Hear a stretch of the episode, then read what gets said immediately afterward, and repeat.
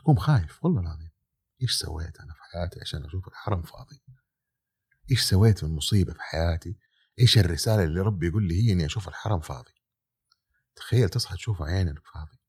الشوارع اللي ما كنت تقدر تشوف موطى رجل. لا تستطيع أن ترى موطئ قدم فيها. فاضية. وفي جورمي اللي هو متذوق الأكل. بس هذا هذا لحاله ترى قسم داخل المطبخ.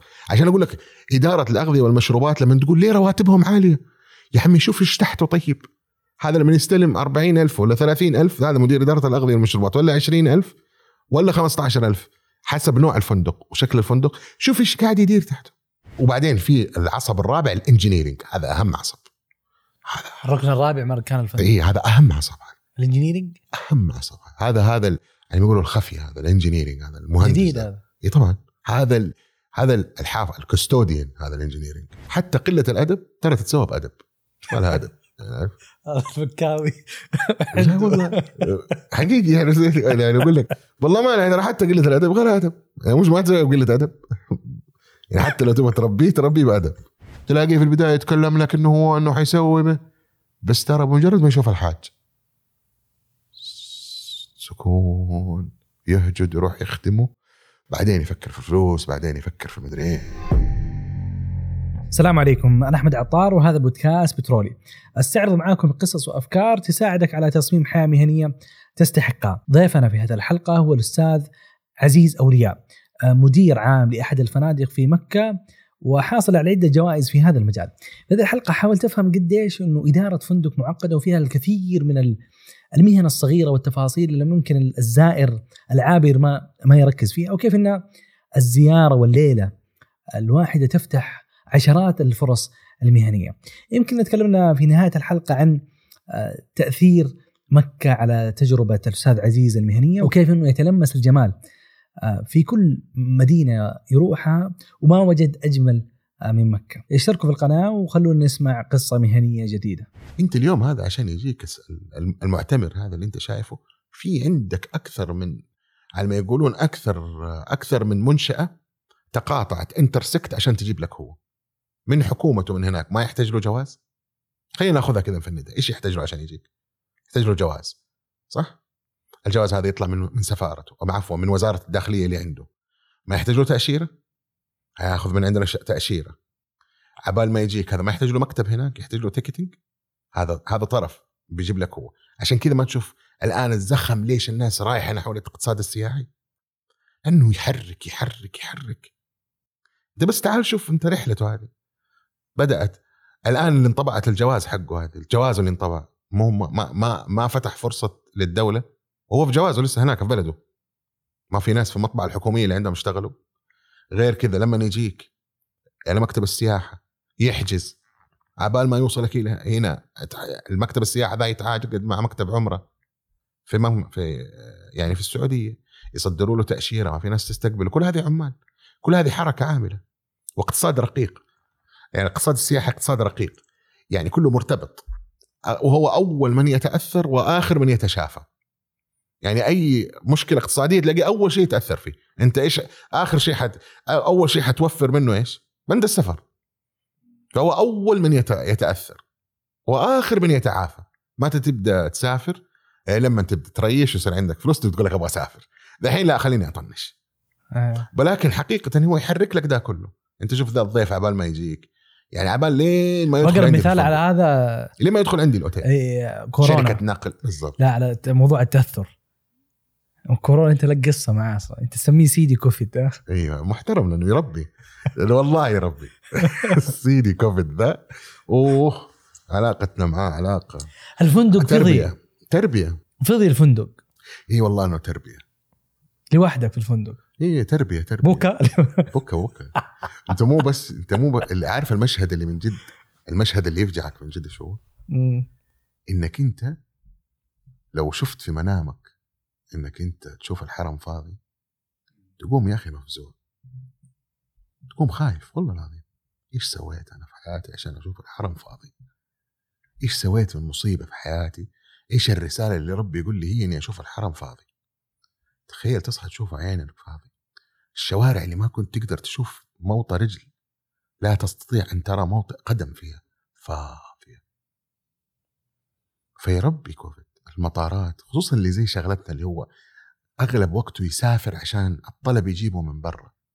فلازم تكون أنت عارف متعود برا برا برا برا. بتروح عشان تجيب رزقك في النهاية. هذه شركات إيش تسوي أنت؟ حج وعمرة. لازم تسافر عشان تجيبهم. تتفاهم معاهم وتتعاقد معاهم. فأنت اعتدت إنه المطار مفتوح آه الناس اللي تشوفها مسافات أنت ما تشوفها مسافات. كنا نطلع يعني 90 يوم في المعارض حقت العمرة. يعني الشباب كلهم من يسمعوا هذا الكلام يعرفوا. تطلع من تونس للجزائر للمغرب لإندونيسيا الماليزيا هذه رحلة سنوية؟ عبارة شفت أنت مجموعة المعارض؟ هناك جهات تنظم برا معارض حج والعمره يعني فيها فيها العارض والعرض والطلب. فأنت مضطر تكون متواجد. جزء جزء من من مهامك كمدير فندق إنه أنت لمدة 90 يوم متواصلة. مو متواصلة. آه. تقطع طبعا آه. شهر حتلاقي آه. شهر ونص. شهر ونص شهر ونص. بس لما تيجي تجمعها في السنة تلاقي 90 يوم. أنت مضطر. لأنه نرجع نقول الرزنامة كيف تتعامل مع مع الزمن. اللي برا مثلا في ماليزيا متى يفتحوا السوق حقهم بس يبدأوا. يشتغلوا معارض ماليزيا المعرض اللي في ماليزيا مثلا اللي في إندونيسيا. المعرض الثاني اللي في مصر فجاءت سنة كورونا أنت لوحدك في الفندق. وأنا العالم كله. وهذا صدمة للقطاع اللي زينا يعني. طيب إيش سويت؟ والله أقول لك لحظة مراجعة. يعني لحظة مراجعة لحظة بكاء لا بس دوبي أص... بديت أشوف أشكال عيالي يعني. أنت عارف تعود على السفر وتجي بابا هنا طالع. يا أخي شكله غريب. مو غريب. والله مو غريب علي. اشكالهم كويسه أشكال والله يا أخي بيتكلموا كويس. ضد الطالع والله أنا جايب اثاث كويس في البيت ده عارف. تكون دوبك جالس انه دوبك تستوعب إنه والله أنت مضطر تستقر. تبدأ عاد تراجع كل أنا والله بعد كوفيد أقول دائما حتى أقول للشباب سيدي أنت جيتني مكتوب. سيدي كوفيد. أقول لهم يعني المفترض اليوم ترى يعني أنا أشوف حتى اسمه غريب كذا كوفيد 19 لو تلاحظ أنت عدد 19 ما جاء إلا مع جهنم عليها 19 تحس إنه في عذاب والله. عذبك يعني عارف؟ لأن أنت متخيل خلاك تجلس في البيت سجن وخايف. تعرف اللي يقول لك أنا أسميه مشهد القيامة الصغرى. يوم يفر يفر المرء من أخيه يعني وامي وابي وصاحبتي وبنيه. أنت حتى ما تقدر تسلم على أمك ما تقدر تسلم على والدك. ما تقدر. حتى تحضر. يا أخي والدتك ما تقدر تسلم على يدها تخاف لا تنقل لها مرض. تخيل هذا البعد ده ترى مرعب يا أخي. فهو يربيك عارف؟ يعني مش سيدي لا أعني بسيدي كوفيد إنه سيدي هذب أخلاقي. أنا أقول لك أخلاق كل الناس إذا كان للانسان عقل يسترشد به. بس أنا متخيل لأنه أنت اليوم يعني الناس اللي في التعليم يعني ما تأثر ذاك بس أول قطاع أكثر ناس يعني. أكثر قطاع تأثروا قطاع الفندقه والسياحة. وأنت ف... أنت مدير فندق اليوم عندك تقريبا كم كم غرفة في الفندق؟ 755 755 لو افترض انه متوسط هذا. يعني ممكن يكون في 1000 آه مساكن في في الف... فجأة ما في ولا أحد. إيراداتك صفر. أيوه. وأنت في الغرفة. أيوه في بساس كان في يعني الحين أنا عارف فريق العمل كله يضحك. إيه. في بساس تخيل يعني ما في. طيب إيش تسوي؟ هل الحين فصلت موظفين؟ هل أنت لا لا لا إحنا اتخذنا إجراء وكان يعني كنا مستحضرين إن الله سبحانه وتعالى الله سبحانه وتعالى. يعني هذا كانت بس سنة يعني كاملة ما في أي إيراد. أقول لك كيف رزقنا الله سبحانه وتعالى. شفنا إنه كان الشركة المالكة للأوتيل عملنا اجتماع معه قلنا والله هذا المتبقي والدنيا قافلة. وإحنا ما ندري كل مالها وتزداد اغلاقا عارف؟ صحيح. تتذكر أنت الحجر الأول الحجر الثاني. كل مال كل مال يعني كل مالها وتزيد. وكنت أنا على قناعة إنه يا عمي ما تضيق زي كذا إلا تفرج. كيف تفرج؟ مو شغلك. في الله يفرجها. يعني لا يصير عندك شكك. يعني لازم يكون عندك لا يعني يكون عندك حسن ظن بالله حقيقي حسن ظن بالله. لأنك إذا أوكلت الأمر له جل جلاله سترى العجائب. والله. وإحنا يعني يقول لك راينا العجائب رؤيا العين. أقسم بالله رأيناها. جينا إيش نسوي؟ أبغى إيش نسوي؟ تستاذنا كيف نعمل؟ في أكل طبعا. أنت عارف كان قبل تجهيز رمضان فالدنيا مليانة. كنا إحنا في حي. الأوتيل موجود في حي. في المنطقة جبه يعني شبه مركزية على الشارع. صار المتبقي كنا إيش نرمي الأكل؟ نوزعه. نتصدق. خلاص إيش تسوي؟ تبغى تاكل. عملنا كثير من الأعمال دي اللي تستعطف فيها السماء. عارف في يا أخي إن الله سبحانه وتعالى حنون على عبده. إذا كان عبد يعني إذا تحققت من مقام العبودية. يعني مقام العبودية إنك أنت عاجز إنك تسوي شيء. لما تتحقق من ذا حتسوي كل شيء. بس بس كان في أسبوع صعب فجأة تكنسلت كل. كله كله. تخيل تكنسل. يا أخي أنت ترى لما تسألني أنا أقعد أستحضر أنا يعني ممكن عيني تدمع والله. على اللي أنا أتذكره من الألم والله. ما كنت ما تتخيل. يعني أنت متخيل أنا كنت دائما لما أجي أبيع الحج والعمرة وأنا شاطر في بيعها لأني أعرفها كويس فنادقها أقول له أتحداك تجد صناعة إنه الطلب فيها ما ينقطع إلا لما تنقطع الحياة. تستخدمها بالضبط انقطع الحياة. كنت أستخدمها ك ك ك يعني مفتاح. تقنع بها المستثمرين. طبعا. أنت وهذا حقيقة. لن يقف. لن يقف هذا. أقول له لن تجد طلب في الدنيا يتزايد إلا على الحج والعمرة. كل طلب إلا ما في. من لا يريد الغفران؟ من لا يريد الطمأنينة؟ من لا يريد جوار الله؟ إنك فجأة أنت تكون حاط هذه كلها في مخ وتشوفها فاضية يصير لك عندك صدمة trauma. trauma والله العظيم trauma. بس كيف شكل الأسبوع ذاك؟ أنا أبى الأسبوع اللي يا الله. اللي تكنسلت فيه الحجوزات. والله أنا أحس أتذكر بس سبحان الله. ما كنت أتخيل قاعد أقول لا لا لا لا, لا. عارف فترة الإنكار؟ اللي لسه ما لسه ما لسه ما جات مرحلة التسليم. مم. لا لا لا كلها شهر. يا شيخ شوفوا اي هو مرينا إحنا بأشياء كثيرة. فلونزا الخنازير فلونزا فلونزا فلونزا الخنازير طيور. فلونزا الطيور فلونزا الفيران فلونزا أي الانفلونزا الصينية. انفلونزا ما ما, ما حقنا دارين إنه أخينا في الله ما. قول يا أبويا أي انفلونزا تمشي يا شيخ كلها شهر وترجع تفك الدنيا. لا لا لا. عارف الإنكار الإنكار الإنكار. وتشوف كل ما الأعداد تقل خصوصا الناس اللي انحبست معانا يعني. كان في في الأوتيل ناس مقيمين. يعني ما راحوا لأهاليهم اصبحت آه. كأنها عائلة. يعني خلاص آه. يعني نموت إيش تسوي؟ ومرض غريب يعني كورونا كمان ما يعني أو كوفيد يعني مرض ترى حقيقي عارف في أمراض مزمنة وفي أمراض خطيرة صح؟ أنت هاي تحسه من الأمراض ال ال ال يعني عارف من في أمراض الخطير ومن الأمراض الوضيعة عارف الوضيعة؟ أنا أسميها مرض وضيع تعطس تموت. يا شيخ يعني حتى ما تموت موتة عدلة عطس عطسة تموت بحادث كراش طيارة شوف لك موتة عدلة أغرق عطس. يعني ما أنت عارف له. موتة وضيعة يعني صراحة. بس أنتوا في في آه، سكان جلسوا في الفندق. إيه كان فيه لمقيمين ما راحوا ما لحقوا جاهم الحظر. ترى كانت في فنادق زي كذا. مرة وساكن مجانا. إيه ما في. يعني في بعضهم انقطع بهم السبيل. اللي قطعوا أعمالهم. خصوصا اللي كانت تاخذ المواقف دي. إحنا الحمد لله ربي ستر علينا. فضل الله سبحانه وتعالى ما فصل انت دخلت في البداية ما راح تنكر. إنكار غريب. إنكار غريب يعني. إنكار ما ماني مش إنكار إنه أنا يعني ما هي شغلة إني أنا بطل إني أنكر. أنت ما في أحد حيخطر في باله إنه يتقفل. ف وفي الأمل يعني حرم فالأمل موجود. لما ينقطع الأمل ده يبدأ تشتغل أنت في التأمل. أنا أقول إذا انقطع الأمل أبدأ التأمل.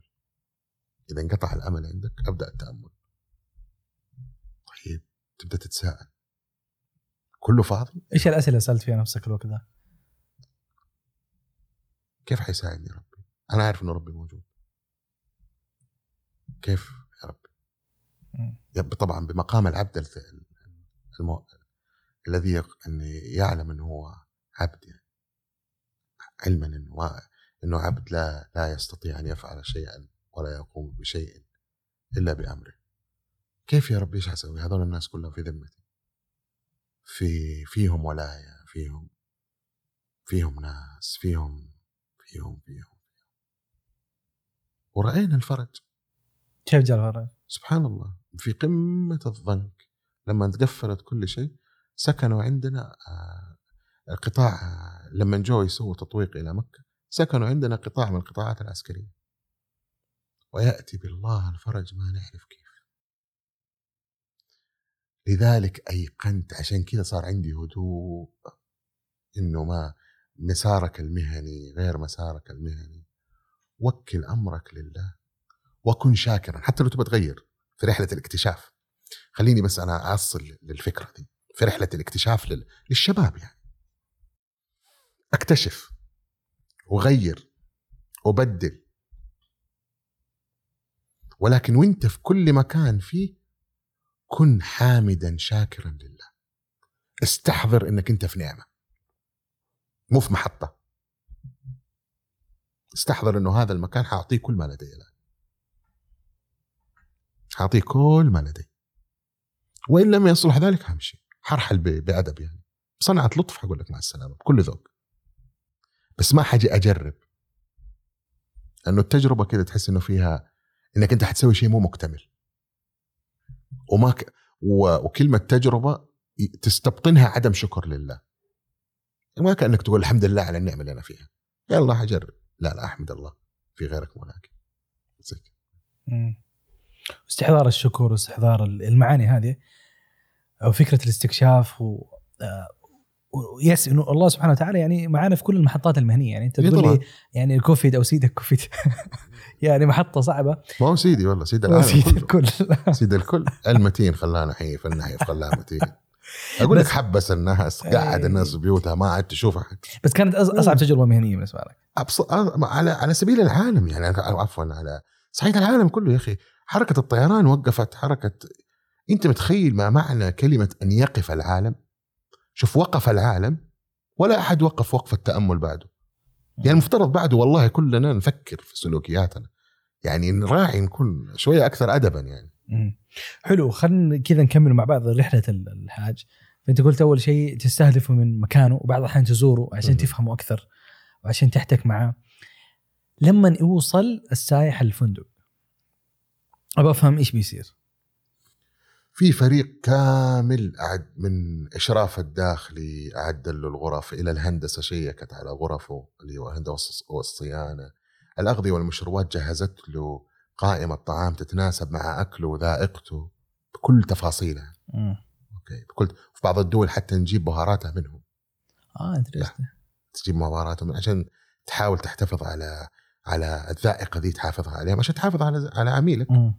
على عميلك. وهذه تكون ضمن كذلك سياسة الاختراق والتموضع اللي هناك. الرسالة اللي إحنا نقولها. ترى حتى أكلكم حنوفر لكم هو إذا كانوا أنتم حابينه. بنفس كذا. الاستقبال فريق الاستقبال اللي هو يسمى كل عملية التشغيل. تجهز لهم غرفهم بكل ما لديها من تفاصيل بكل بكل بكل. بكل ذي التفاصيل إلى أن يأتي الحدث الجميل يعني. حدث إنهم يدخلوا الفندق. يتم تصويرهم. لو شفت عندنا في, في الإنستغرام نحبهم من قلب يعني. يتم التصوير. نحتفظ بهذه الم... إنهم جونا نسوي لهم كثير من الأشياء دي الإعلامية. نعطي صاحب الوكالة اللي هو وكالة السفر في البلد المصدرة للمعتمرين محتوى بصري ومحتوى سمعي وتغطيات للحجاج. إحنا نقوم نتكلم مع حجاج ومعتمرينه عشان هو يشعر إنه هو جزء من هذه المنظومة. يشعر جزء انه هو من هذا الفندق الفندق هذا كانه أصبح فعلا حققنا ما يسمى الشراكة معه. حقيقي يكون حققنا الشراكة معه. مو بس أسكن وأمشي. لا أسكن وتفضل وهذا مكانك. الغرفة هذه إيش بيصير فيها؟ يعني كيف كيف جهز الغرفة؟ اللي هي خلينا نقول أهم مكان في الفندق. أعطيني كذا التفاصيل اللي بتصير لتجهيز اسألني كيف إيش التفاصيل اللي تبغى تسأل؟ عنه؟ كلمة تفاصيل أنا قاعد أشوف فيها كثيرة. تبغى أثناء البناء من قبل البناء من اختيار العفش من اختيار الأرض. لأنه الغرفة هي المفتاح اللي تختار فيه الأرض. مم. يعني أنت كيف تختار أرض؟ آه. أنت أي تجهيز تبغى. على الأرض على نوع المشروع. تبدأ تفكر الغرفة هذه لأن الغرفة هذه هي عنصر الإيراد. في اللغة في لغة الفنادق تسمى كي ذا كي المفتاح هو هذا اللي بيجيب لك الليلة. فأنت بتقول لي تجهيز. فإنت تجهز تجهيز مثلا إيش؟ قبل لا تبني لها تجهيز. أعطيني قبل ما تبني. الأرض أول اختيار. الأرض حقتك هذه فين؟ وإيش المستهدف منها؟ إيش السوق اللي أنت مستهدفه؟ وكم تبغى العائد؟ عليها تبني الغرفة. هل تبغاها عالية أنيقة فقط؟ هذا لها لها لها حدود في التكلفة. حدود في التكلفة. حسب نوع اللي تبغاها أنيقة تبغاها فاخرة تبغاها عالية الفخامة.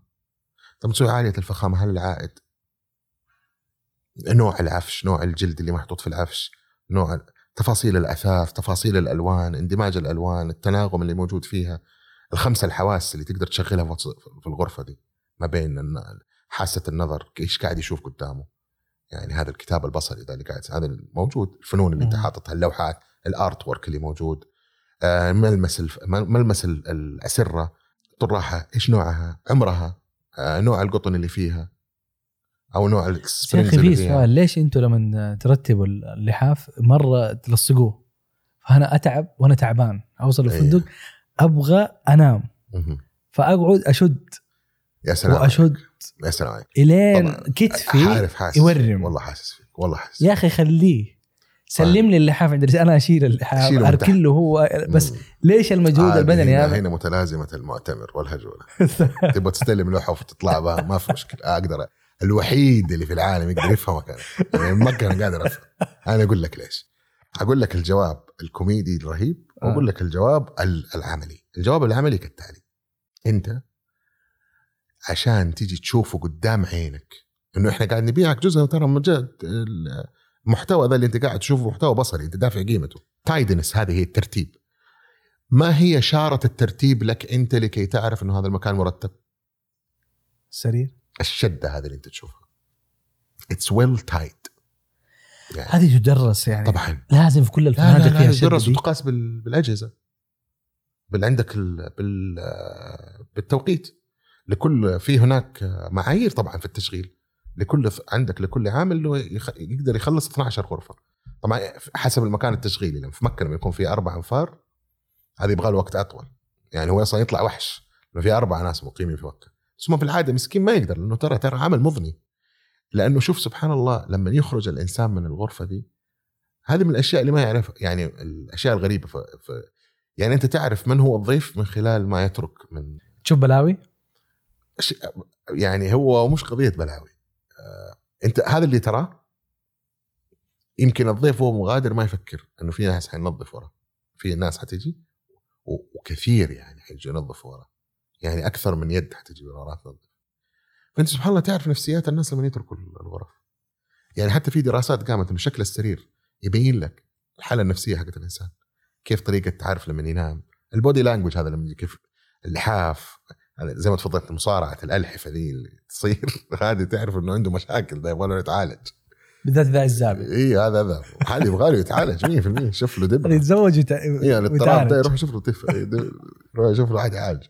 فأنت تبدأ تشوف بعض الأحيان ما, ت- ما يتبقى من الغرفة دي ترى ينظفها ناس ترى بعد. بس يقول لك أنا دافع يا. أخي ناخذ راحتي و... هذا اللي تبغى تفكها إي طبعا أنت هذا دافع. يعني هذا قي... هذا ما هو. أنت قاعد ناس تخدمك بكل ذوق وبتاخذ منك آه، مبلغ لهذا. من غير ما تحسسك. أصلا أنت ما يجي في ذهنك يعني أقول لك إنها عملية شوية صعبة هو ما يجي في ذهنك أصلا. إنك تروح فندق وتتصل وما يرفع هل تتخيل إنك أنت تتصل وما يرفع لا. reception تطلب وما يرد عليك مستحيل مست... شفت كيف؟ مستحيل أصلا يجي في ذهنك تخيل هذول كم واحد عشان يلبي لك الطلب ما بين reception. استقبال خدمة عملاء على على بس قلت لي هي أربع أركان. وقلنا الغرفة هي الأساس برضو حق- الاساس حتى في كل أي حساب تبغى تسويه تبدأ بالغرفة مم. الأرض دي كم حيطلع منها غرفة وإيش نوع التشغيل؟ عشان تبدأ التجهيز. تبغى تجهيز فاخر خمسة نجوم ثلاثة نجوم. نظام التع... الوضع اللي وضع المعايير هذه.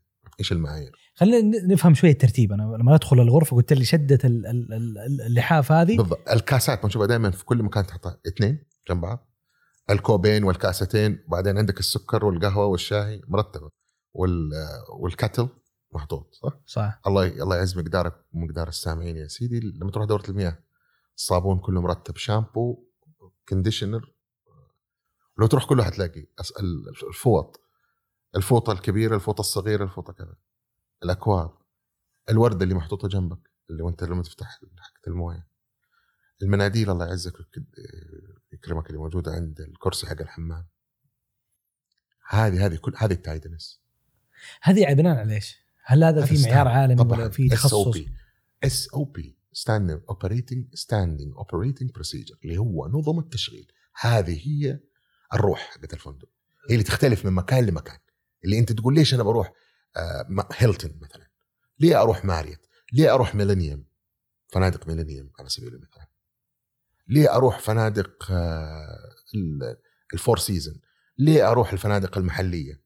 السر في هذا ثقافتهم ذول. هذه ثقافتهم. إيش بحط لك في الغرفة؟ بشكل دائم. كل ما جاء أحمد يشوفه ويستمتع. SOP yes إيش هي ال SOP؟ نظم التشغيل. Standing Operating Procedures. هذا ال SOPs قلت لك أنا أحب لغتي العربية. فاعتذر. يعني هذه هي نظم التشغيل. إيش تسأل عن إيش؟ أبغى أفهم أكثر كيف تطبقها في الغرفة. ماذا كيف تريد أن تفهم تطبيقها؟ هي تكون مكتوبة. مم. ولكل هل كل الفنادق طبعا نفس طبعا الشيء؟ طبعا طبعا.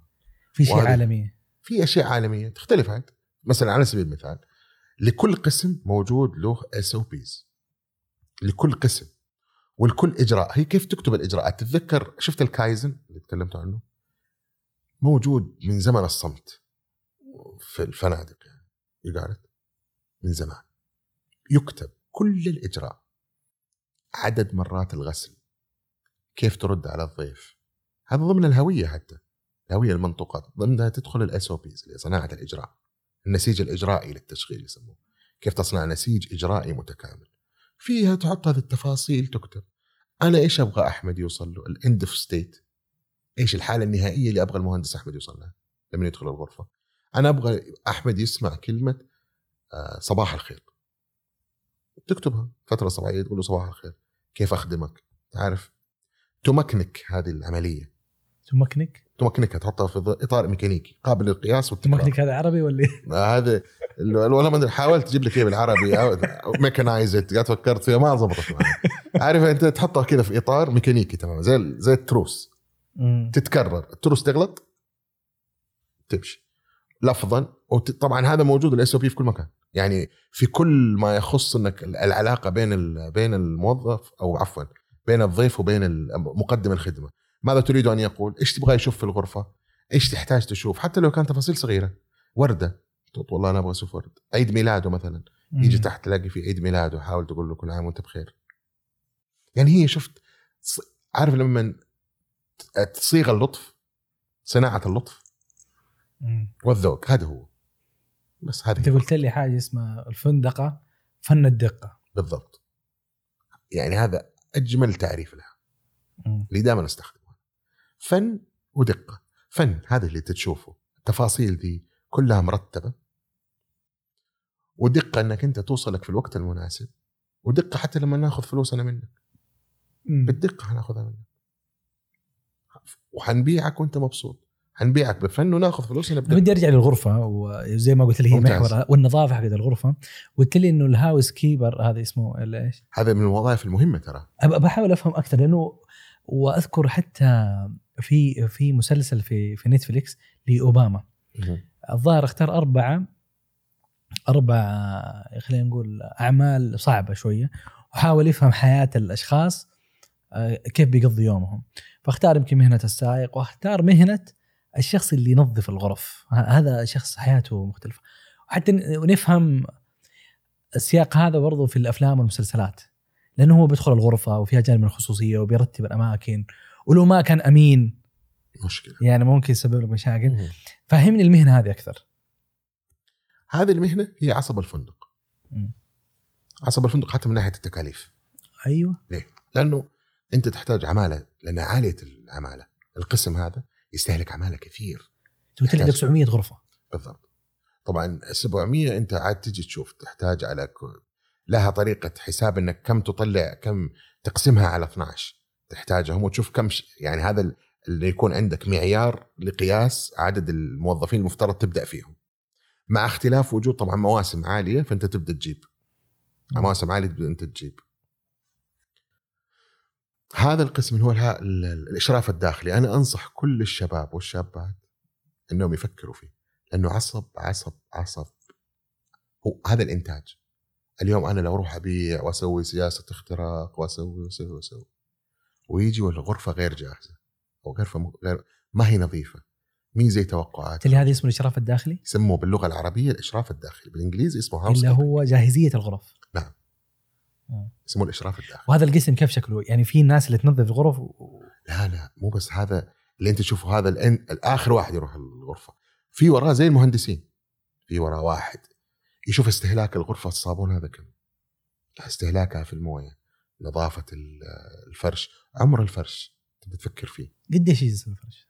سنة؟ لا لا لا لا. سنتين. وهذا هنا عاد يرجع دور إحنا أقول لك ليش إحنا نفكر في التفاصيل. رجل الفندق يفكر في التفاصيل. تقول هذا نظيف هذا مو نظيف هذا يعني يكون عندك خليني أقول لك يعني أكثر أكثر من أنك أنت تستشعر إذا الشيء مو المكان مو نظيف فيه غبار ولا ما فيه غبار. لأنه ال- بس أعود لك على موضوع العفش لأنه العفش هذا هذا عفش يا أخي رهيب هذا باب لوحده ده إنك تتعلمه. إنك كيف تختار العفش؟ طبعا مبني على أنت إيش مختار نوع التشغيل اللي اتفقنا عليه مثلا يكون متوسط. فأنت تبدأ تشوف بس هو متوسط ترى يقعد خمسة إلى ستة سنوات. لازم. أنت هذا هنا دور ال ال حساب التكاليف.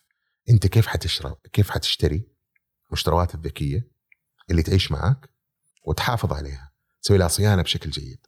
تستخدم المواد الكيميائية الجيدة في الغسيل عندك الإجراءات. شفت ال five M هذه حقت ال- الصناعة؟ method material manpower method material manpower money and methodology إيش ال manpower اللي تحتاجه؟ عدد الناس اللي تحتاجهم المدربين أفضل طريقة للغسيل. فقط أنا كلمة باب الغسيل ده. غسيل الغرفة عشان تعطيك إحساس إنها إنها نظيفة. ما تدخل تحس إنها fresh.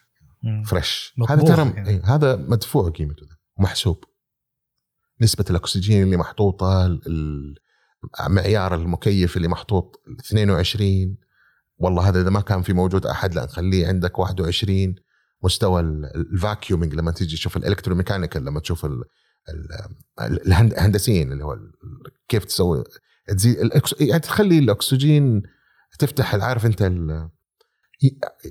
تحقق ما يسمى بأنها تكون غرفة تعطيك إحساس. منعش. هذا اللي هي نظيفة. هذا كله تحسب. طب هذا مو كهرباء؟ تحسب.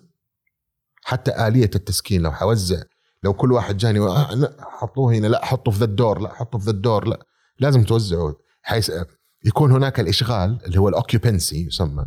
يكون عندك very good strategy to distribute يعني مثلا عندك 10 توزعها. أدوار. ما, ما حطهم في مكان. اي حطهم في مكان كويس تقدر تخدمهم كويس خدماتهم توصل كويس.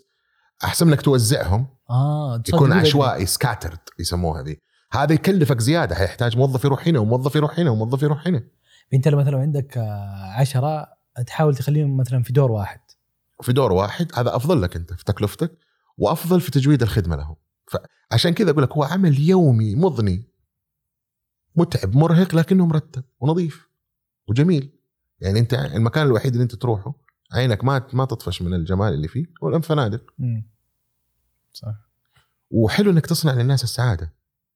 عرفت تجي مرحبا أهلا وسهلا انت كده تسوي؟ هذا اللي قاعد تبيعه technically بشكل تقني. أنت ما كل الناس عندها غرف. ويمكن أنا مرة أتلمس موضوع الخدمة. الخدمة ال- نقول تكلمنا عن تنظيف الغرفة تكلمنا على خدمة الشخص اللي ياخذ العفش ويطلعه. الخدمة لما أنا أدوب هذا الحال ينحط له procedures ما SOPs ما تتصورها. هذا فقط هذا اللي يسموه حامل الحقائب ال concierge. شناطك؟ أنت ما تشوف الفنادق إحنا نغطي. دائما ما تسأل نفسك. مم. ليه هذول مغطين وحاطين شعار الفندق؟ خصوصيه خصوصية للناس. لا تحرجوا. شناطه لا تبان. لما يجي يسحبها ما ما ما يدخلها لك من ال... ما تكتب هذه ترى مكتوب ذا. ما أنا ما بقول لكم الاختراع لا هذا مكتوب. كتبه أهل الذوق والاختصاص. تروح لك عندهم مصعد خاص يطلع لك عفشك لين عندك. عشان لا تتضايق لا يصير عفشك مثلا يشوفوه. إي لا لا لا ولا لا. يزاحم ال- ولا يزاحم الناس. لو مثلا كان العفش فيه ما هو نظيف ذاك النظافة الشنطة شكلها مو كويس لا يحرج الضيف. إنك تفكر في هذه التفاصيل. إيش يشعر عشان كذا قاعدين نقول إحنا كلمة تجربة تختلف. إيش تبغى تقول له؟ ما هو الرسالة اللي تبغاه يشعر بها. مو تبغى تقولها له يعني على ما يقولوا اسمع تفرح جرب تحزن. غلط. إنك تسمعه كلام كويس ويجي يجرب يحزن. يعني ما هي اسمع افرح جرب تحزن. أنت حقيقة إيش تبغى يشعر؟ وهذه ترى على فكرة والله ممكن يعني إذا لم يكن من أكثر الفنادق اللي تنجح العامل البشري اللي هي قائمة على البشر إذا أنت حطيت في الأوتيل لأنه يجلسوا حتى إحنا يجلسوا مع بعض أكثر ما يجلسوا مع أي إنسان. ترى الشرطة والفندق والجريدة والمستشفى هي القطاعات اللي ما تقفل ابدا لا في عيد ولا هم اللي شغالين. أنت ما حد تروح مثلا ما ما تتوقع تروح مستشفى تلاقيها قافلة يقول لك والله معليش عيد اليوم إجازة اليوم ما إحنا شغالين ما في ساعات دوام. فهذه الأربع قطاعات ما فيها ساعات دوام. والجريدة لازم يطبع لازم يطلع الخبر لازم لازم لازم لازم. ولا شغالين في البودكاست برضه. أيوه انت شغالين في البودكاست sorry طلعتك بعد الجمعة يا باشا إي بالضبط طيب تخيل. زي كذا ما عندك إجازة أنت. عملك هو فهذه من القطاعات اللي كذا. فأنت لازم يكون في ثقافة.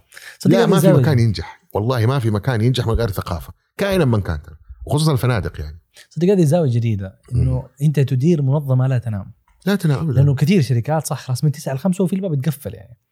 بس إنه أنت تدير فندق هذا الفندق شغال 24 ساعة خلال السنة. أنت لازم تكون متيقن إنه اللي موجودين هناك كفوا ويقدروا يقوموا بهذه المهمة. تزرع فيهم هذا الإحساس. وأنت مسؤول عن نتائجهم. لو جابوا الغايبة أنت المسؤول عن نتائجهم. هذه الحالة هذه يبغى لك تخلق ثقافة. شوف كلمة ثقافة هذه ذي مي موجودة في الفندق؟ والله ما. حتى إحنا إحنا في الثقافه اللي تبناها الموظ- الموظفين. طبعا ما في ما في ينجح ما ينجح الفندق. يصبح كأنه عندك فندق كل يوم ومصايب كل يوم ومشاكل كل يوم. لازم يكون الموظف موجود وعنده ثقافة وجالس. تبديل الموظف ما هو تقني لأنه هذا أنت أنت اليوم ما ت... أنت مثلا في. زي الشركة اللي عندك. الله يعطيكم العافية يا رب. أنت تحتاج واحد محترف للتصوير. واحد. لكن تستطيع قياس احترافه صح؟ تقدر تجيب لك واحد ثاني محترف تصوير. لكن أنا لما يجيني واحد محترف قهوة محترف طبخ ما أقدر لا تستطيع استنساخ المهارة. لأنه صناعة اللطف. صناعة اللطف اللي أقول لك اياه دائما. ما تقدر. تبدأ أنت تحاول تخليه تقصد صعب. استبداله لأنه هو بيبيع حاجة ما هي ملموسة. ما هي ملموسة. فأنت تحاول تخلي المنظومة كلها ثقافتها كده. ولا ما تنجح. البني آدم لازم يبتسم لك ومن قلبه ترى يبتسم لك. ولا حد تطفش. تقول له يا أخي أنا متضايق. توصلك. توصلك هذا صدق الشعور ذا ترى يوصلك. حتى لو سلمك المفتاح. يقول لك تفضل الحمد لله على السلامة. انست ونورت ترى من قلبك. يعني سبحان الله أنا أقول حتى أدرب الشباب أقول له ترى حسك حسك صوتك. إذا ما تك... إذا كان فعلا أنت من داخلك تبي ترحب ترى والله توصل للرجل. أو توصل لل- للضيف ده. فأنت لازم تخلق هذه الثقافة ثقافة النظافة. إنه كلنا أي أحد يدخل الأوتيل لازم تكون عينه نظيفة. إنه يا أخي هذا فيها وساخة. يا فلان كلم قسم ال housekeeping. يعني هي عارف هذا كلهم لا تنام. وبعدين مو بس ال housekeeping يدخل الاستقبال يدخل الغرفة. ال- صح. ال- وأنا جالس بحاول أفهم إنه المكان هذا ما ينام. آه طبعا جالس يشغل مجموعة وظائف مجموعة جداً، بشر وأنت. تكلمت على الاقتصاد السياحي هذا. وغير كذا يعني بقول لك حاجة بس أعرج على موضوع العمل. الفندق هو المكان الوحيد اللي مسارك فيه أنت تحدده. يعني ممكن اليوم عندنا قصص كثيرة. يكون عمرك 21 سنة 22 سنة وزي ما في في المحتوى فرص عالية هتلاقي هنا فرص عالية وتترقى بسرعة لأنها مبنية على النتائج. هو عالمه في عالمين دائما نقول. في عالم الشهادات وعالم المشاهدات.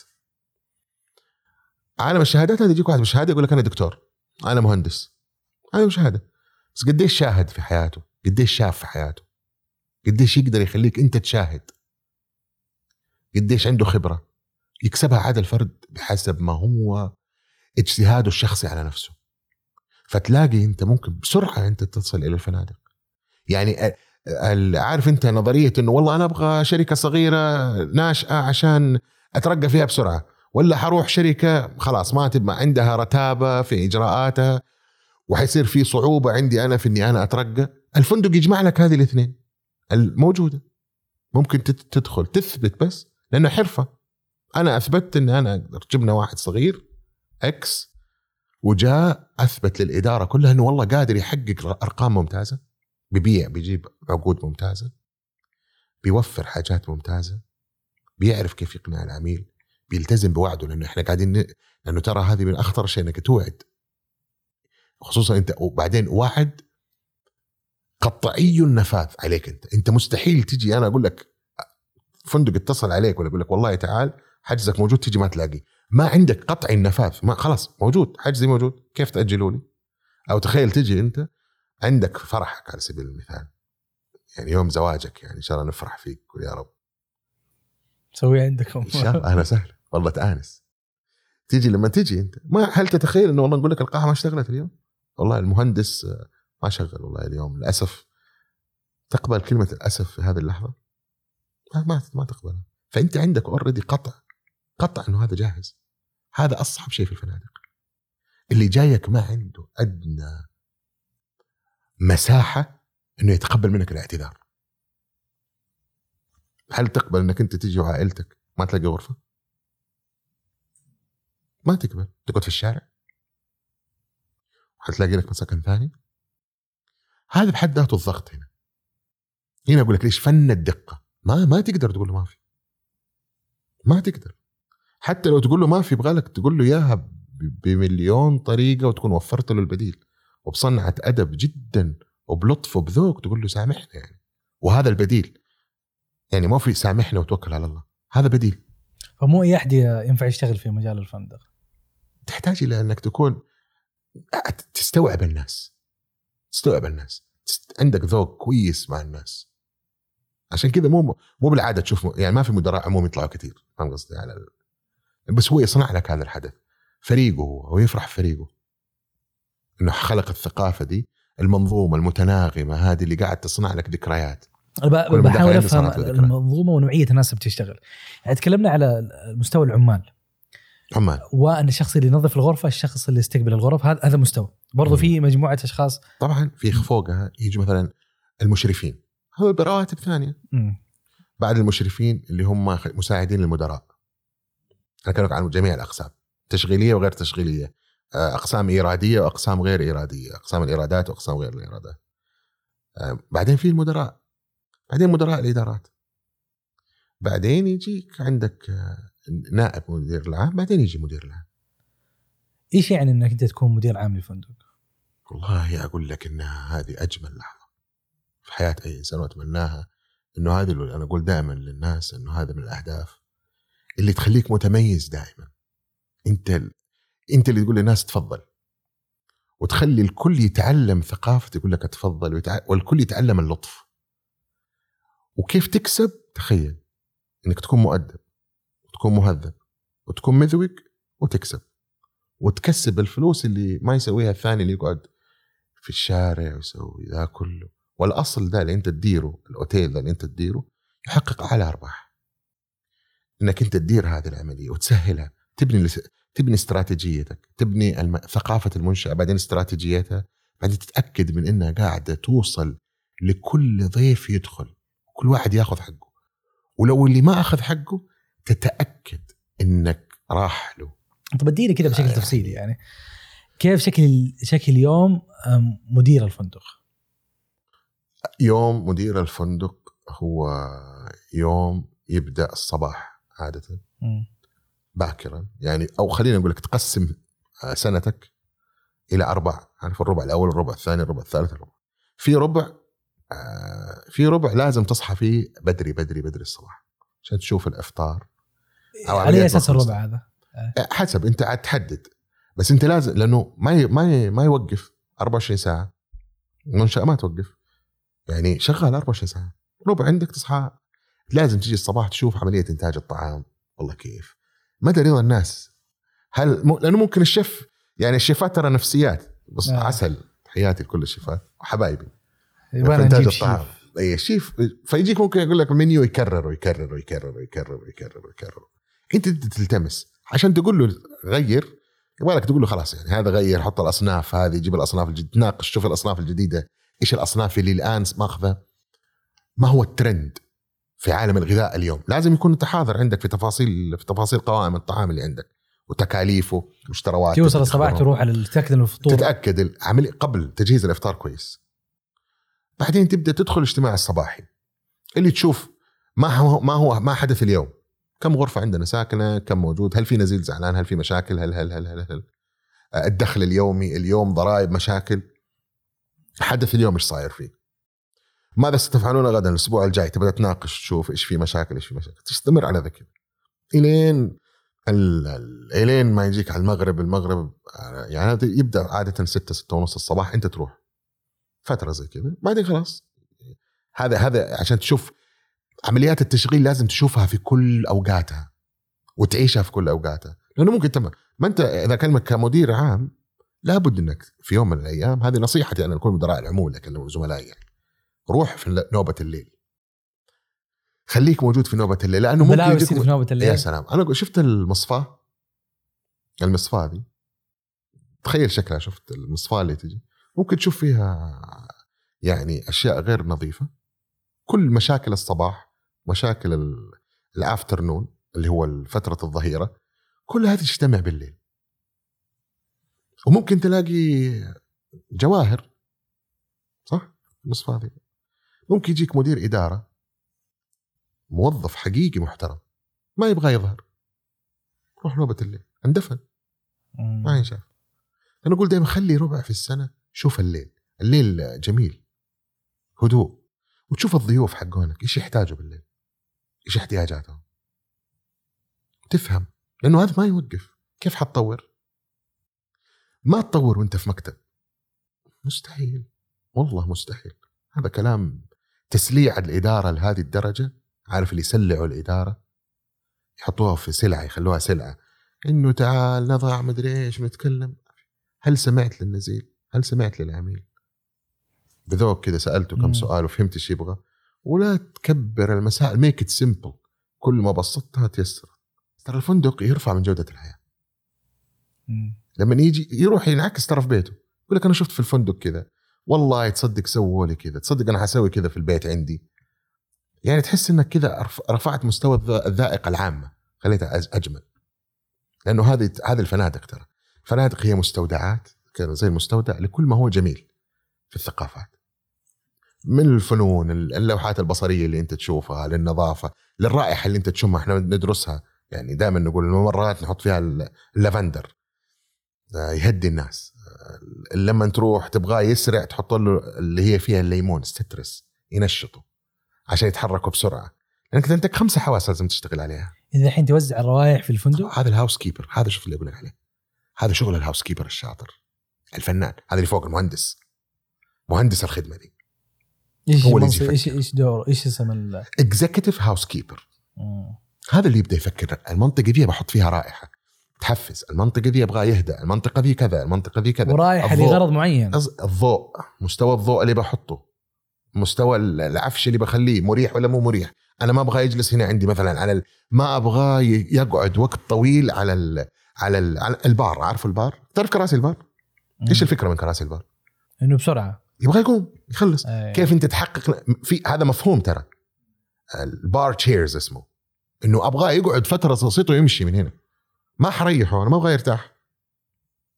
واللي ابغاه يرتاح عشان تزيد فاتورته يسموها revenue per available hour في المطاعم. وفي revenue per available room RevPAR هذه مفاهيم القياس كيف تقيس الفلوس. يعني كله مدروس عشان انت تطلع فلوسك وأنت مبسوط. لا بس فهمني كيف هذا لما تريح وتاخذ منه فلوس أكثر؟ أنا اليوم عندي منيو. شوف الفكرة كيف تبدأ كيف إحنا ندير ذي المنظومة دي. عندي مكان. جهزت منيو والله أنا أبغاه يستمتع يأكل المنيو ذا بكل تفاصيله أبغاه يجلس عنده سلطة سلطات سواء. طبعا طبعا غير هذا مخ... كيف إدارة كيف ت... يسموها حتى منيو انجينيرنج تهندس المنيو مستوى البروتين اللي موجود فيه إيش تبغى تحط فيه بروتين إيش تبغى تحط بس فيه إنه ما. يأكل يعني بعدها الحلا إيه بعدها تبغاه الشاي. يحلي تبغاه يجلس إيش تحتاج أنت؟ آه جلسة تخليه مرتاح شوف الجلسة تعطيه تخليه مرتاح آه إيش يحتاج ثاني حاجات جنبه؟ آه إضاءته صعب إنه ما, تكلف عليه. تبدأ تفكر إنك أنت تحاول تقرب منه وأنت بكرامة دورات المياه عشان ما يستثقل إنه يروح ويجي. تخلي كلها تخلق له تخلق له توزع المساحة بشكل مو هندسي. أنا نقول إحنا بعضنا نقول لا أنت توزع لي بشكل فندقي. إني أنا بخلق في النهاية أبغى فلوس من وراء هذه المساحة. ما أبغى والله إنك أنت تقول لي والله أنا حققت لك أفضل. طبعا النقاش دائما بيني وبين المهندسين أنا والله استفدت من المساحة. أنت استفدت من المساحة على الورق. الورقة دي اللي قدامك حاططها في المرسم. حقك لما قاعد ترسم أنا قاعد أشوف الفندقة من وراها. قديش حتجيب لي فلوس؟ الركن ده قرب لي إياه وأنت بكرامة من دورة المياه. أو بعد لي إياه من دورة المياه عشان الروائح على سبيل المثال. حط لي مكان ثاني هنا أعطيني مساحة. أعطيه هنا مكان يجلس فيه. وبالتالي حتى تفاصيل الريحة. طبعا. وهذه مسكها ال executive executive housekeeper هذا يفكر في التفاصيل ذي ترى. ورواتبهم ترى عالية. والله يس- لأنه هذا يصنع لك الجلسة. كم ياخذ حسب عدد الغرف ونوع البيئة. بس تصل مثلا إلى أعلى executive housekeeper يوصل 50000 50 45000 ريال. لكن هذا انت ضامن هذا خط الإنتاج حقك الليالي. كل يوم تطلع لك ليلة. لما 1000 نزيل لما عفوا لما 400 غرفة تكون عندك هو حيعرف ينظفها لك بأقل تكلفة. آها. في ناس من هذا المستوى في ناس ب 20000 في ناس ب 30000 في ناس ب 2000 ريال عفوا. يعني تتدرج. في يعني 25000 جزء من حسب الفندق. دوره إنه هو يوظف ال- ال- ال- العماله يضع. كل الخطة. خطة التدريب. آه، خطة تنظيم الغرفة. ما هي العناصر مو نرجع لنظم التشغيل. يحاول يخليها. يخليها موجودة في الغرفة. ويضيف لمسته. أي. يقول لك والله أنا شايف إنه حتى وإن كتب لي إنه هذول آه، مثلا حطوا له آه، حطوا أربع قوارير موية. على سبيل المثال. أربع قوارير موية. يجي يقول لك هذا شتاء. مثلا أنا في منتجع فيه ثلج. الناس ما تبغى موية. خليها قرتين موية عصير. على سبيل المثال. أو بلاش يحط له سكر. حط له حط له عسل. لأنه مكان بارد. منتجع. اليوم أنت منتجع قاعد على البحر. مو معقولة أنت تيجي تلاقي منتجع وما وتشوف الناس قاعدة والله حاطط لك مثلا تخيل أشياء حارة كل أبوها حارة. هي الدنيا حارة. تبغى الموهيتوز الأشياء الباردة. يفكر في التفاصيل دي عشان ترجع. وقلت لك هي هذه هذه يفكر لك. يربطها بالطقس إيش يسوي إيش يعمل. عمل جميل جميل, جميل ويدرس وفي معاهد متخصصة على فكرة. أعطيني. مع طبعا أفضل دول فيها تلاقي سريلانكا. من أفضل الدول. التدريب على الفندق طبعا هذا التدريب يطلع خصوصا أنا أكلمك في ال housekeeping housekeeping. housekeeping. عندك سريلانكا فلبين سريلانكا والفلبين لأنه عنده تغذية راجعة أغلبهم عمالة وتدرجوا آه. فتلاقيه شاف جميع البراندات العالمية فلما رجع يدرب لك عنده حصيلة من الإجراءات وحصيلة من التفاصيل اللي شافها في الغرف وأنواع الصابون وقال لك ليه ما نستخدم مثلا 300 ملي هنا أو نستخدم 200 ملي هنا أو مثلا إحنا كان عندنا أتذكر في مكة من الأشياء اللي كسبنا فيها جوائز في مستوى تميز الخدمات. إحنا في مكة لما تيجي تشوف أغلب الناس من ال من ال من ال من ال من ال عارف من الجنسيات العربية. الجنسيات الجنسيات العربية الله يكرمك ويعز مقدارك أحجام رجولهم كبيرة. مو معقول هذاك تحط له الس- ال slipper الله يعز مقدارك الصغير. أي.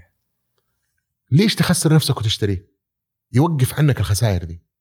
واصلا الضيف ما هو مبسوط. وما هو شاعر بتجربة صحيحة. صح. طيب وهل وكيف يستخدمه؟ أوه هذا لسه يطلع فيه ويتوظى شو ال- ال function حقته. يعني what ماذا يستخدمه هو أنت بكرامة؟ يت- يتوظى فيه. وبعده ينزل لين الحرم ممكن. لا إذا إحنا حناخذ نسوي منه شيء حجمه كبير وما يكون ورقي أو من القماش الخفيف. ما تتصدق قديش فرق عندنا في جودة الخدمة وال- والناس. صارت تجي. الناس ترى على فكرة قراراتها على تفاصيل صغيرة. والله ما تتصورها. يعني أنا أعطيك مثال. أنت ما شاء الله مهندس صناعي. أنا نفسي كنت أصيدك زي كذا والله. مم. مهندس صناعي. أسألك سؤال. كم من الكم كم من الكم الهائل عشان تنتج سيارة؟ مم. عشان تسوي سيارة. كم مهندس زيك سووا يدخلوا في ذي العملية. وفيها حسابات واحتراق وكفرات و و و القرار عاطفي تماما. يجي واحد لونها مو عاجبني. أو البراند اي دونت فيل اي دونت فيل وإنت قدك سويت دراسات. الاحتراق. والثاني اشتغل على خط الإنتاج. بينما القرار عاطفي 100% أنا ما I don't feel the brand اللي صاير والله هذا ال brand ما, ما هو كويس. مو عاجبني. فالقرار البشري قرار وفي حلول psych... psychological ما يبغى لها حلول هندسية. يعني مثلا تشوف زحمة عندك في اللوبي. عندك مشكلة. اللوبي فيه queue تساءل ليه؟ اليوم تلاقي أغلب المشاكل عشان الإنترنت. إنترنت. لو سرعت الإنترنت في اللوبي ما أدري عنك القصد. اي خليه يدخل تيك توك. تيك توك تيجي تقول له أطلع غرفتك. خلاص استحي على وجهك خلاص روح غرفتك. تفضل مفتاحك. ينسى. احرمه من النت. تنتهي الحياة. يبدأ كل يوم يسوي لك مشاكل. فادرس اعمل psychographic studies what is the problem من فين جاية؟ إيش المشكلة؟ مو تفترض. أنا صار عندي هواية ال- ال- ال- الحكم. إيه، هذا ترى كل مشاكل الأرض من هذا الحكم. وفي أشياء ترى بسيطة. عارف لو جيت وزعت الإنسان ترى يظل إنسان. مهما كان هو إنسان ضعيف من داخله. لو أحسنت إليه أحسن إليك. لو جيت أنت ليش يبغى زعلان تفضل. هذا كوبونز هذا هذه كوبونات هذه كذا هذا الإنترنت موجود. خلاص هي بعض الناس يقول لك خفف الإضاءة. يعني في بعض الأماكن يقول لك خفف الإضاءة عشان لا يحس بالتوتر لانها مرتبطة بالتوتر. هنا اللي هي ال effect الخمسة الحواس اللي تبي تشغلها للضيف. التجربة البصرية الحسية السمعية إيش يشم؟ لأنه في بصمة له إنه يشمها في. أي يقوم يتذكر يتذكر المكان ده. هذا executive housekeeping قلت لي دولة ال- سريلانكا الفلبين آه سريلانكا هذه عندهم يعني. رائع. كمية شافوا كل شيء أنت رحت سريلانكا؟ طبعا إيش إيش لك. شفت هناك؟ ما شاء الله عليهم معاهدهم اللي تاخذ منها آه، فيها تلاقي أنت اللي قاعد يدرب أصلا مرة شاف الفنادق اللي في دبي ببرانداتها في السعودية ببرانداتها فتعود عرف الصابون هنا وين يستخدم هذا كيف يستخدم فلما يدرب لأنه إحنا قلنا إحنا هذا عنصر بشري أنت تبغى واحد يجيك فاهم يريحك وغير كذا محافظته على الأدوات لأنه أنت عندك ال- الفندق غالي. المغسلة دائما عندنا لأن ضمن التجربة. فيكون يعرف يتعامل مع إيش المواد الكيميائية اللي يستخدمها مع مع كل تفصيلة من تفاصيل الأثاث اللي هو القماش. بس كيف المعهد؟ القماش. يعني فاهم. يعني معهد الناس تروح تتدرب يعني أنت زرت المعهد. اي طبعا بس أنا زرته عشان الاستقطاب عمالة. مم. أو استقطاب إدارة. بس طبعا أنا أنصح اليوم إحنا ك... للشباب السعودي يدخل يدرس هذا الكلام لأنه تكلفة وكأنه خط إنتاج. ترى هو مهندس مهندس خدمة. مين هو؟ هذا ال housekeeper مهندس خدمة ترى. يشوف تكلفتها ال input حقه قد إيش وال output حقه الليلة دي ليالي الغرف. مع يعني ال man هذه- power. تقول هذه مهنة لها معاهد ولها طبعا طبعا. كتبها ولها فنها كتبها ولها ناسها. فنها ولو تدخل تكتب الإشراف الداخلي باللغة الإنجليزية ال housekeeping حتشوف بحور في الألوان ال palette ال palette اللي تحطها الألوان كيف يحطها على السرير حتى الأس... ما شفت بعض الاحيان المخدات أنواع المخدات اللي تنحط على السرير تفاصيل تفاصيل تفاصيل ال duvet ال cover duvet. إيش أحط هذا القطن أحطه فوق ده ليش ما أخليه أنعم؟ ليش ما أخليه أفضل عشان ينام؟ تجربة نوم. ت- أنت تدفع في فندق بعض الأحيان يعني مبالغ عائله يعني مو صار-. عشان تنام. أوف. مو معقول أنت تيجي هذا ما تنام فيها كويس. صح. مو معقولة. مو معقول اللحاف هذا يعني ينكد عليك؟ حنام بعد ما حشد الشدة دي. يا سلام عليك يا سلام عليك. بس أنت خلينا تتأكد إنه مكان نظيف وكان مرتب. بس أنت عادي ترى معمول لك فيه السرير المخدات اللي محطوطة. ما هي أنواعها مستوى ال- إذا كانت إيش الأنواع؟ المخدات أنواع من القطن من اللي فيها ريش اللي فيها يعني يعني مغلفة بتغليف معين تتنفس ما تتنفس. لأن هذه الصناعة هي الليلة. صح. أهم شيء السرير. أهم شيء هذا أنت قلت السرير. الغرفة هي اهم حاجة في السرير هو السرير, أهم شيء. السرير وأنت بكرامه ودوره المياه أهم حاجة. والفلو ولازم تتنظف سرعة تنظيفها إنها كيف تحطها توزع العفش بشكل مريح للعين مريح للنفس ما يدخل يتضايق. أنت ممكن تلاقي غرفة كبيرة بس ترى موزعها حيزعلوا موزعها مهندس. هذا أكيد حيوزع لك هنا بما إنه ثلاثة متر. طب أنت ما تعرف كيف يعيش. ممكن يكون جالس رافع رجله. عارف؟ لا حط كرسي هنا. مالك تقول أنت خليك مهندس خليك خلينا إحنا نقول لك كيف تخليها قابلة إنها تكون فندقية عشان تكون مدرة تجيب فلوس. مو إنه هذا يكون مزبوط لا هو لازم تنحط كذا عشان تجيب فلوس. غير ال housekeeping يعني تكلمت على عالم ال housekeeping هذا. إيه هذا جميل. آه، تحب أنت ال housekeeping ما نحب كل الفندق صراحة لأنه كل ال... لأنه أنا في النهاية لازم أكون زي الم- المايسترو هذا لازم أعرف إيش ال tone اللي عشان لا يصير في نشاز في الخدمة. هذا لازم عارف المايسترو؟ مم. لازم أعرف هذا تونته كيف؟ بي بي بيعزف صح ولا نشاز لأنه هي في النهاية خدمة حتوصلك يا إما كويسة يا إما مو كويسة لو واحد غلط يعني. طيب قسم الاستقبال قسم منفصل. إيه. كلمنا عن قسم الاستقبال. هو الابتسامة. ابتسامة الفندق عنوان الفندق. يا إنه محترم يا إنه خلاص أنت خلاص تقفل من الفندق. وقبله في مرحلة ترى اللي هو رجل الأمن. السكيورتي. اهتم بال security. درب ال security إنه يكون فندقي مش security بس. إنه هذا أول واحد يحتك.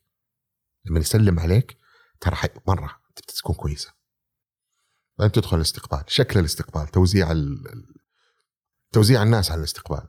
عدد الإناث مقارنة بعدد الرجال الورد اللي محطوط الناس اللي قاعدة. الساعات هذه سبع ساعات في الدول يعني أنا في مدينة واحدة ليش أحتاج ال- هذه هذه من الأشياء اللي ما تم تحديثها من الإجراءات اللي موجودة وما تم تحديثها. بس أصبحت جزء من الهوية البصرية فاهم قصدي؟ آه، لكن حقيقة اللي كانت لماذا هدفها؟ هي هدفها إنه لما يكونوا الضيوف جايين من هذه الدول يعرفوا فارق الوقت. مم. يعرفوا بلدانهم من فين جاية يعني من شكل عالمي. لكن اليوم بالجوال بس بالضبط في الجوال. بس اليوم هذه من الأشياء مثلا القديمة اللي كانت محطوطة وما زال محطوطة لأنها صارت شفت ضمن الهوية البصرية؟ أو ما يسمى الهوية البصرية في في الحيز المكاني. هناك حيز مكاني وأصبح هناك له سمات معروفة. منها هذه الساعات. آه، هل هي الآن بحاجة لها؟ لا لا ما إحنا بحاجة لها ابدا. لكن أصبحت ضمن قلت لك اللي هي الهوية عناصر الهوية البصرية اللي في الحيز المكاني اللي موجود في الاستقبال. فالاستقبال مو بس كده حتى إضاءته تلعب دور شكله يلعب دور نرجع. لموظف الاستقبال يعني وهذا أحد الأشياء إنه اليوم آه، صارت هذه مهنة آه، مسعودة. آه، وأنا خلال بصراحه من تجربتي الماضية في فنادق المملكة تقريبا كل ال- موظفين الاستقبال هم سعوديين. آه، وصارت مهنة يعني لها عليها طلب وصارت مهنة يعني حتى يمكن رواتبها يعني. تكون ممتازة.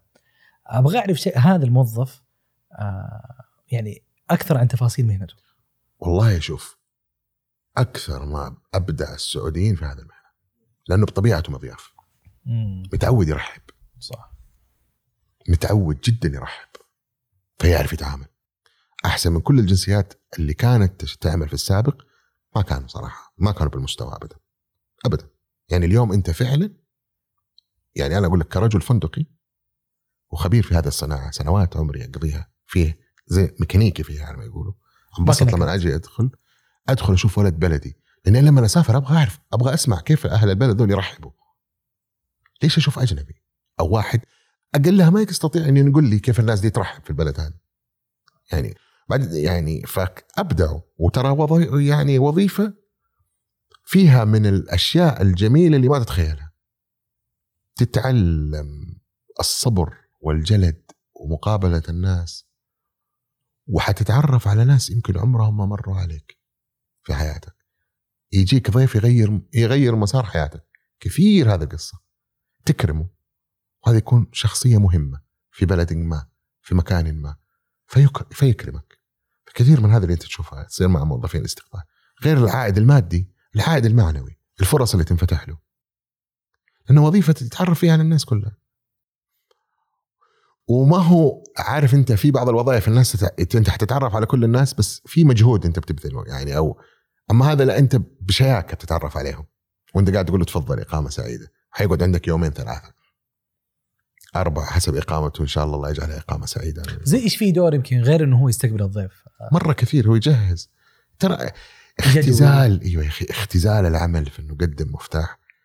هذا مرة يعني غير الابتسامة. والمفتاح. إيش يسوي؟ لا يا رجل. إيش يسوي حق لا؟ لا لا أكثر من كذا أعطيني. أنت اليوم ينسق مع ال housekeeping هذاك يشوف الغرفة جهزت ولا لا. حلو. يسوي شيء يسموه بلوكات ما يفهموها ذي إلا الفنادق. أه، تشرح لنا ال arrival اليوم يجي يدخل يقول إيش عندي اليوم قائمة القادمون؟ في المطار تعرف حركة المطار مو في قدوم وفي مغادرة. زيها في الفندق في قدوم. يشوف القدوم اليوم مين اللي في في قائمة القدوم؟ جايني شركات من الدول اللي إحنا استهدفناها مثلا من إندونيسيا من ماليزيا من من.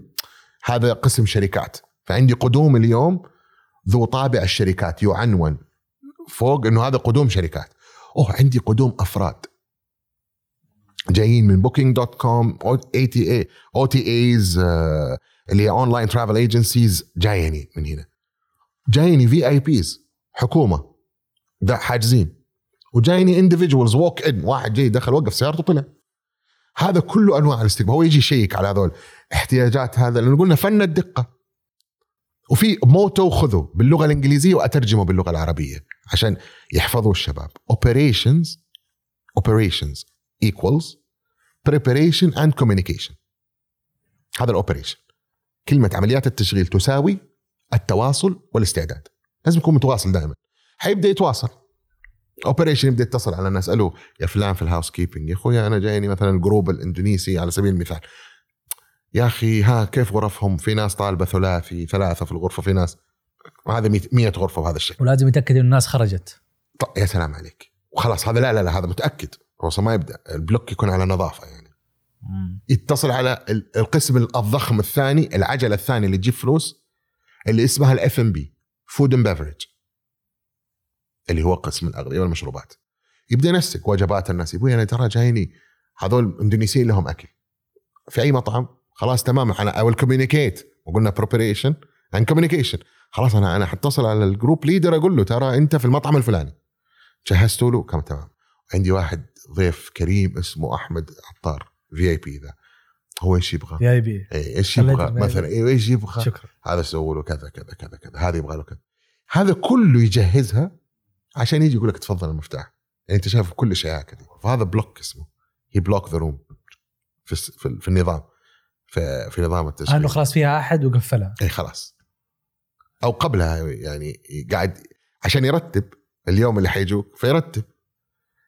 هو حجو ما هو بسألك أنا اللي حسألك سؤال بسيط. مم. تقدر تحجز أمس؟ لا ما تقدر مستحيل. ليه؟ روح. روح. فهو كل اللي جاية مستقبل. فيسوي شادو يعني زي زي الظل. شفت لما تعلم هذه خلاص أنا حاعطيها للجروبات دي.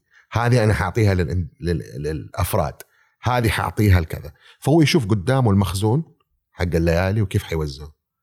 وهذا التوزيع مربوط بالتكاليف. كم حنجيب عمالة. طيب لو حطيناهم يمكن في دورين حنجيب عمالة أقل. حنكلف عن أقل. إنه هي ترى الفندق عملية مضنية إنك يوميا تفكر في التكلفة. يوميا. زي ما بتفكر في الربح تفكر بالتكلفه مم. وفي أشياء ثابتة. قلنا لازم موظف محترف يسوي وفنان ما تقدر هذا تقول له مع السلامة. فمضطر تخليه مضطر تدفع راتبه. يعني أعلى بند هو بند الرواتب وال فعشان تحافظ عليه محتاج تجيب بزنس هذا التحدي اليومي اللي يعيشه أي مدير عام فندق ويكون هذا شغله الشاغل يعني. كيف أجيب فلوس؟ كيف حافظ على؟ اللي معي مم. كيف أجيب فلوس؟ حافظ على اللي معي واقلل المصاريف.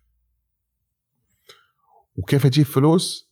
هذا مو بس كذا يعني. كيف أجيب فلوس مستمرة بشكل دائم وتتنامى يعني. يعني ال- البزنس اللي تجيبه لازم يكون قابل للنمو. العميل اللي تجيبه قابل للنمو. يعني والله هذا هذا عميل حيفتح لي أبواب مع عملاء ثانيين. سوق حيمد معايا. يعني في شيء اسمه ال LOS length of stay فترة الإقامة لما أجي أقول والله هذا السوق يديني 10 ليالي. مثلا مثلا آه، شركة بترولي. مم. والله هذول يجي يجلسوا بس weekend يصوروا ويمشوا. وبيني وبينهم عقد بس والله بس والله هذه شركة بترولي كويسة بتاخذ عندي قاعة. فبسوي تعمل تعمل التحليل حقك إنه والله والله مربحين هنا ومربحين. طيب تخيل شركة بترولي تجي تاخذ مني length of stay أسبوع. لما يسووا cast أو تصوير ياخذوا أسبوع ويستأجروا قاعة ويستأجروا suite يحطوا فيه الكاميرات. لأنه بعض الأحيان يصير عندنا تصوير إحنا في السويتات. photo sessions كل المنتجات. والحمد لله إحنا من أكثر الأوتيلات المتفوقة في إنه نوفر ال- الاستديو يحتاجوا في العبايات business العبايات business ال fashion. أغلب ال fashion والعبايات مرتبطة ال makeup artist يجوا لأن تحتاج تسوي photo session فاهم قصدي؟ فين هتعمل فعندنا ف... والله أشوف زي عارف أبدأ أقيسها. كم قاعد اجر غرفة بترولي وبياخذ عندي length of stay 10 10 أيام. خليني أحافظ على العلاقة معه. يعني وممكن يفتح لي business تاني مع ناس زيه. ممكن ممكن ممكن. فتبدأ تكون عارف حدث مثل هذا اليوم تبدأ تقيس.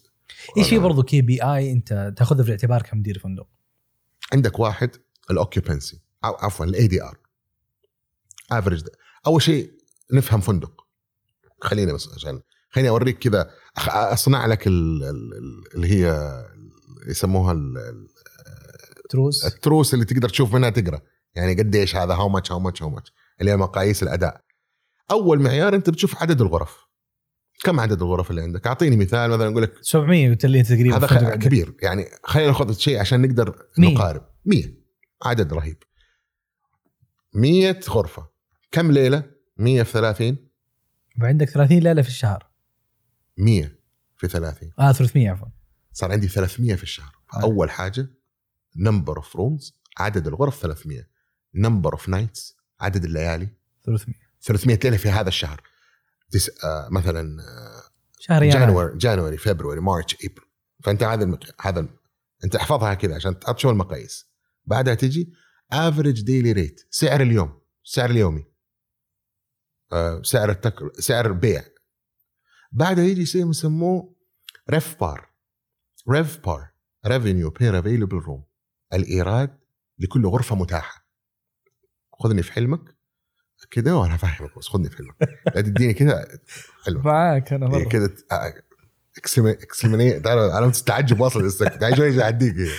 أقول لك كيف تنعس الريف بار. بعدها يجي يسموه آه عندك الريف بار آه عندك ADR occupancy طبعا occupancy بعدين يجيك ال RevPAR. كيف هذا هذه المقاييس اللي أنت تشوفها اللي تبين لك نوع ال business. عندك فوق ال ADR 100 كم يصفى لك؟ نقول مثلا بيعنا مو في تكاليف عندنا.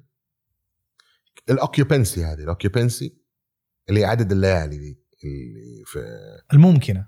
عدد ممكن متاحة. المحددة. آه. المتاحة في الشهر. 30 300 يوم. ليلة. فأنت تشوف تقول مثلا كم ليلة عندي؟ 300 كم بعت منها؟ 200 200 يعني بعت أنت كم في المية كده؟ أقول مثلا 75 تقريبا. بعت 75% خلينا نقول هذا 75% في شهر يناير في متوسط في متوسط ليلة سعرية ب 100 ب 200 ريال. كم حتصير؟ 200 ريال في 200 كم هذه؟ هذا 400 ألف. هذا صار عندك ايرادك حتخصم منه مصاريفك. تخصم منك تخصم المصاريف تخصم المصاريف. خلينا نقول عادة هو في شيء يسموه ال GOP ال gross operating profit عدد خلينا نقول أر- خمسة مم، خلينا خ- 50% على سبيل المثال خلينا city hotel يعني. 50% كم حيصفى لك من ال 200000 200 200 بس هذا الحين GOP تشغيلي صح؟ حطلع منها بعض الأشياء بعض بعض. حيصفى لك منها نقول 100 آه 150 على سبيل المثال. الربح. الربح. قسم ال 150 على ال 300 مم. هذا يسموه ال RevPAR صار كل غرفة مربحة اي كم؟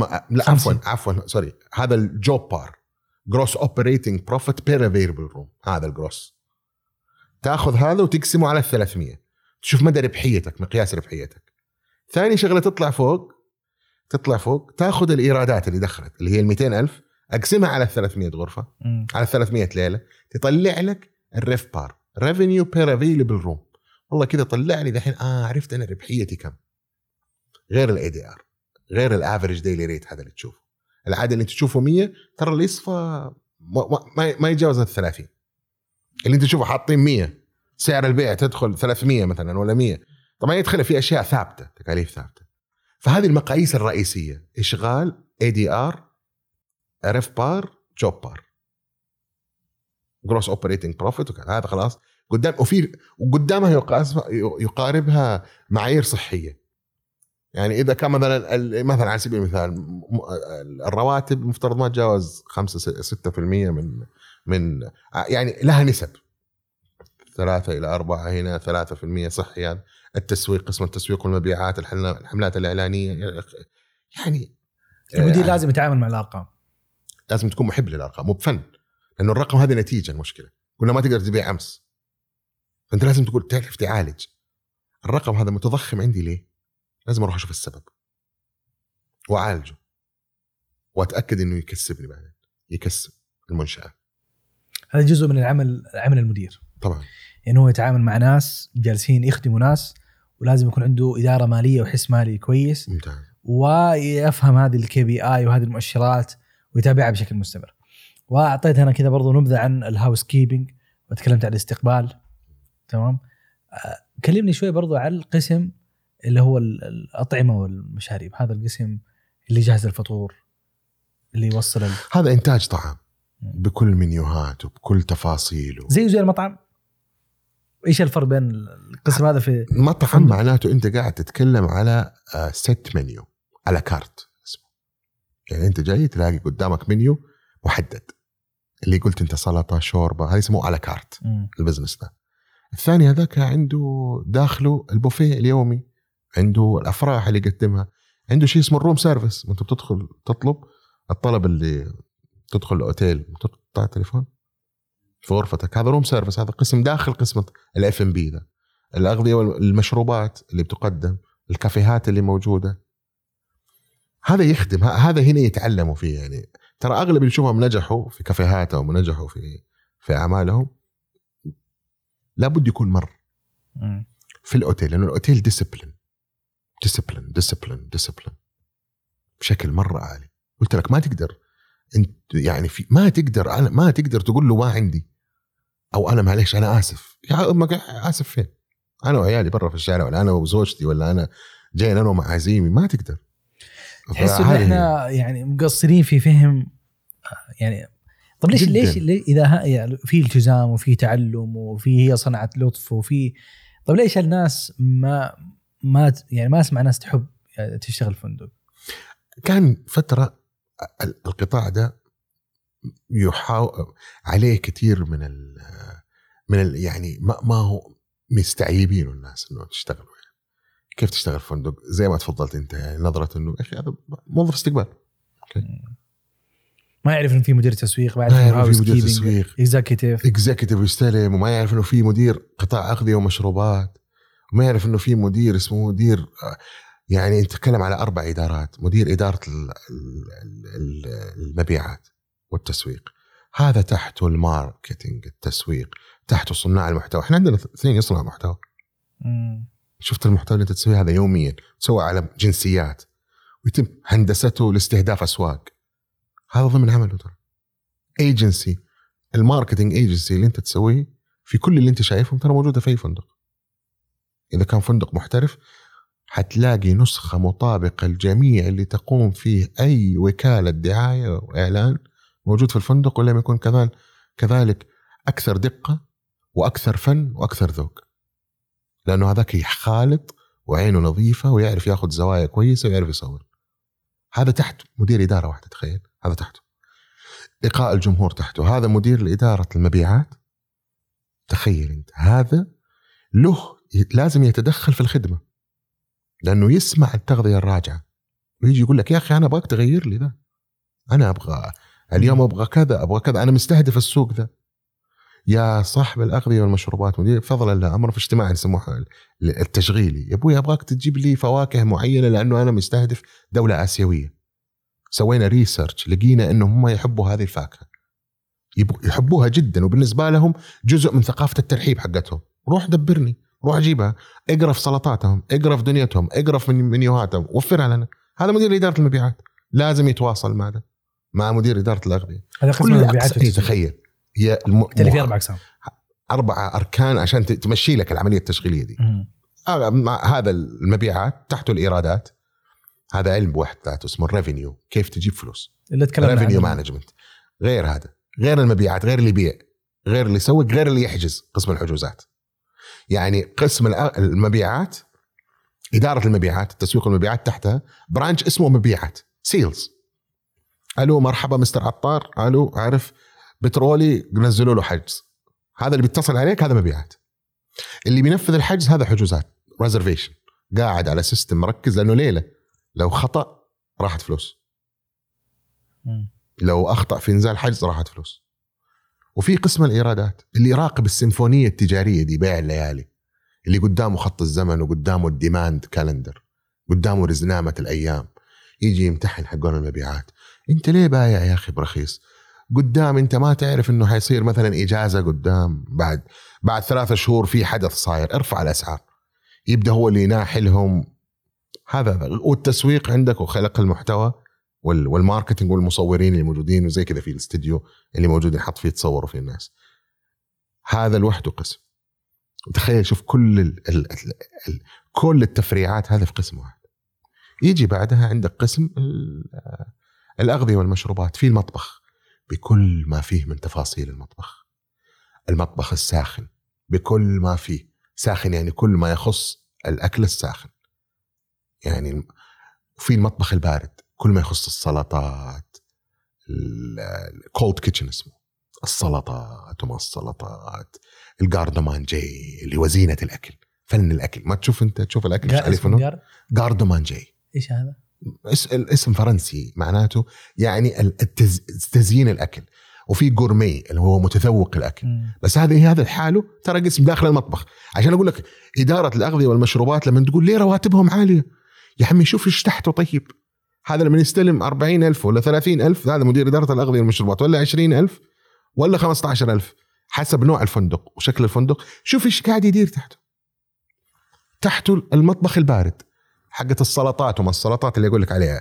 الكرافتنج يجيب النحاتين حقين الثلج. أنت ما تشوف بعض الحين تدخل البوفيهات تلاقي ناحتين ثلج سمكة كبيرة معمولة بالثلج يحطوا عليها دخان. تشوفها في البوفيهات الفاخرة. هو مسؤول عن هذا هذا القسم اسمه الجاردمانجي هذا اللي هم النحاتين الثلج. والسلطات. بطيخ على شكل يا سلام عليك. هذا طبعا اشطر ناس فيها ترى في اندونيسيا معلش لازم أو لهم ال... في ناحية الثلج. مسابقات رائعة في إندونيسيا. في مسابقات. مسابقات على مستوى العالم. كرافتنج يجيبوا لك ثلجة قديش كبرى ينحتوها لك.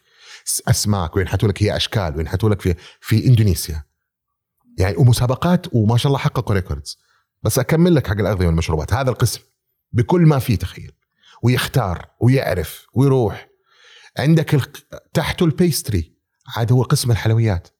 الحلويات هذا لوحده في له قسم مدير قسمه اللي هو الشيف الحلواني يسموه pastry chef تحته يجي عندك عندك آه، اداريا تحت ال pastry chef عندك الخباز. bakery بكل ما فيه اللي هو ال bakery ال- مخبوزات. بكل ما فيها. مخبوزات مالحة مخبوزات آه هذا كله عشان ينتج لك إياه. هذا تخيل ذا فوق هذا اللي هو يسموه مدير إدارة الأغذية والمشروبات. الصورة النمطية اللي أنت تشوفها هذا مو مدير أغذية هذا مدير مطعم أنت تشوفه هنا. يعني أغلب اللي بيبل غير طبعا هذا قسم الإنتاج. غير لما تروح شيف المطبخ من تحته الجزار عملية الجزارة استقبال اللحوم حفظ اللحوم بجودتها التأكد أنه ما في أنها لا سمح الله ما تكون فاسدة وضع الإجراءات الصحيحة الصحية المطابقة. هذا كله تحت إنتاج الطعام. من تحت من ال receiving area من منطقة استلام الأطعمة. تتأكد أن درجة حرارتها كويسة تغليفها كويس إلين ما يطلع لك. إلين ما يوصل لك إلين ما يوصل لين الطباخ. بعد كده تروح القسم الثاني. هذا بس أعطيك تفاصيل وتشاعره كل ذا فرص تتعلم وتصير مبدع وتسوي أي وتخلق حتى محتوى. لأن لو واحد يجي يشتغل الشغلانة دي يا أخي لو قاعد يصور حيطلع محتوى عظيم للناس. غير كذا لما تيجي تروح هذا هذا بس الاغذيه الاف ام بي يعني food and beverages تروح بعد كذا قلنا التسويق المبيعات الاف ام بي بعدين يجي اللي هي ال operation اللي هو تحته. ال housekeeping ال housekeeping الاستقبال الم- المغسلة ال ال وبعدين في العصب الرابع ال engineering هذا أهم عصب. هذا الركن الرابع من اركان الفندق اي هذا أهم عصب. ال engineering أهم عصب. هذا هذا يعني بيقولوا الخفي هذا ال engineering هذا المهندس جديد هذا. اي طبعا. هذا ال هذا ال- الحاف الكستوديان هذا الانجينيرنج ال- اللي هو الوصية على هذا المبنى. لأنه في يده أغلى أغلى أغلى أغلى الأدوات والأجهزة. الشيلرات اللي محطوطة فوق في المبنى؟ شيلرز حقت التكييف. هذا اللي مسؤول عن كل سلامة المبنى. هذا اللي ما يرحم هذا اللي يدخل يقول لك وقف أنت طباخ ما لك دخل. إحنا حاطين لك ال- الفرن هنا عشان السلامة عشان هنا لأنه إيش أهم شيء في الفندق؟ ما هو أهم شيء في الفندق؟ تعرف ما هو أهم شيء في الفندق. أرواح الناس. أهم شيء في الفندق. أرواح الناس كائنا من كانوا موظفين أو عملاء أو يعني آه، ضيوف. أهم شيء روحه تكون سليمة ما يموت. ما تعرض روحه أو أحد أطرافه إنه يفقد بسبب سوء إدارة ولا سوء آه، تدبير إيه، أو سوء أو أو أو whatever هذا ما ما تقدر تحطها بس هو أهم شيء هو روح الإنسان أو اعضائه ما يأكل شيء ويتسمم. فلذلك الموظف مهم وال- والنزيل مهم. هذا المهندس اللي يجيك لل safety اللي قلنا ال safety يجي يدخل للمطبخ يا جماعة إحنا حاطين هنا تهوية لا تحط الزيت جنب هذا هذا قسم خاص لوحده الكهرباء الكهرباء الإلكتروميكانيكال قصة جميلة قصة الفندق. بعدين هذا هذه هذه الأربعة اللي أنت تشوفهم يجي كمان عندك قسم المشتروات. لازم يكون ذكي يشوف في مشتروات خاصة بقسم الهندسة. لازم يكون هو واعي بما فيه في السوق من المتغيرات. ممكن يجيب لك حلول تقلل من التكلفة تزيد من الإيرادات. هذا السؤال اللي دائما اللي إحنا نكرره في الفنادق. فعندك قرابه 200 موظف. إيه. مم. إيش يعني إيش إيش في دروس قيادية تعلمتها من خلال الفترة الماضية؟ كثير. أنا أنا يعني أنا أشتغل في ال- كمدير عام من فترة. يعني كنت أصغر قيادي فترة من عمري. يعني كاصغر مدير عام. تعلمت إنك فقط تخلي الناس واعية للنتائج مش للبروسيس وتخلق ثقافة. إذا خلقت ثقافة في المنشأة وقل أربع أشياء أو عشان تخلق ثقافة لازم تسوي شيء واحد. لازم تحط قيم. أهم قيمة ما في قيل وقال. ما في قيل وقال. خلي الكل نفوسهم طيبة على بعض. تنجح. لأنه إذا ض- رتبت اللي في النفوس وهذبت ما في النفوس كل شيء بعده يجي جميل. فأنت تشتغل على هذا الجانب الجانب النفسي والجانب الإدراكي. تخلي عنده قيمة. ترى اللي أنت قاعد تسوي له قيمة. شفت أنت ما يسمى ال butterfly effect اللي تأثير ال- ال- تأثير ال butterfly فلاشه فلاشة. الفراشة. تأثير الفراشه أنت ترى لا تقول والله أنا ما, ما أنا ما لا أسوي شيء بسيط. هذا الشيء البسيط ترى ممكن يسوي مشكلة كبيرة في الفندق وممكن يسوي حاجة عظيمة للفندق. لما تخلق هذا الوعي تخلق بينهم التجانس إنه صاحب هذا. تخيل أنت إذا كان أنت تروح لأي قيادة يقول لك أصعب شيء في الدنيا إني أقود الناس. قالوا أصعب شيء في القيادة هو أن تقود البشر. ما بالك أن تقود البشر لكي يرضون البشر. فلازم يكون أنت داخل تخلق بينهم الانسجام بشكل جيد الاخاء بشكل جيد لأنه مش يعني حت- حقيقه حيحقق مشكلة يعني. و... بعدين تبدأ هذا أهم درس مستفاد يعني مم.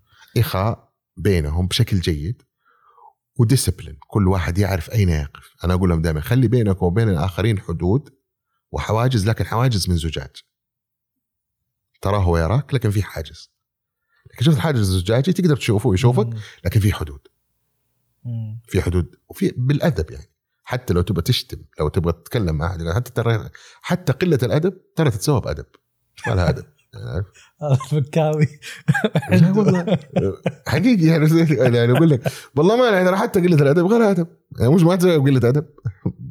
يعني حتى لو تبغى تربيه تربيه بأدب. لا هذه مشكلة ترى انك كله موجودين مكه مشكلة. كله مكه يعني واحد. أنت عندك عنصرية لتوظيف المكاوية في لا والله لا هم سو... لا ما والله ما عندي عنصرية ابدا لكن بس إيش الفرق بين الموظف المكاوي. المكاوي كداد والموظف. كداد بالفطرة متعود حج سكي. هو والله هي الشغلة الوحيدة اللي تناسبهم من لطف الله عليهم يا أخي عشان مكة والله. حقيقي والله من لطف الله. ما حد يت... كثير من الزملاء يجوا يقول كيف يتحملوا؟ check in قدامه 200 واحد و400 واحد يسوي لهم check in بس هو تعود. هو طالع من حارته زحمة داخل. البيت زحمة. فخلاص تعود مسكين. فتلاقيه يقدر يعني يقدر آه. يتحمل. interesting إيه، يقدر يتحمل. أنا صراحة مرة مبسوط إنه يعني أنت أعطيتني صراحة زاوية مع إنه يعني الفندق جزء يعني دائما إحنا نروح فنادق والواحد بس بس اليوم دخلت جوة العالم هذا اللي فيه له أربع أركان ويمكن في مهن أول مرة أسمع بتفاصيلها اليومية آه وقلت لي في معاهد موجودة يعني قلت لي مثلا الفلبين يعني في مسابقات وفي معاهد. في الفلبين سريلانكا اندونيسيا كمان آه، الهند فيها كمان فيها أشياء مرة ممتازة. المغرب الجزائر تونس. هل في تخصصات اليوم أنا أقدر أدرس بكالوريوس في ال- في الموضوع هذا؟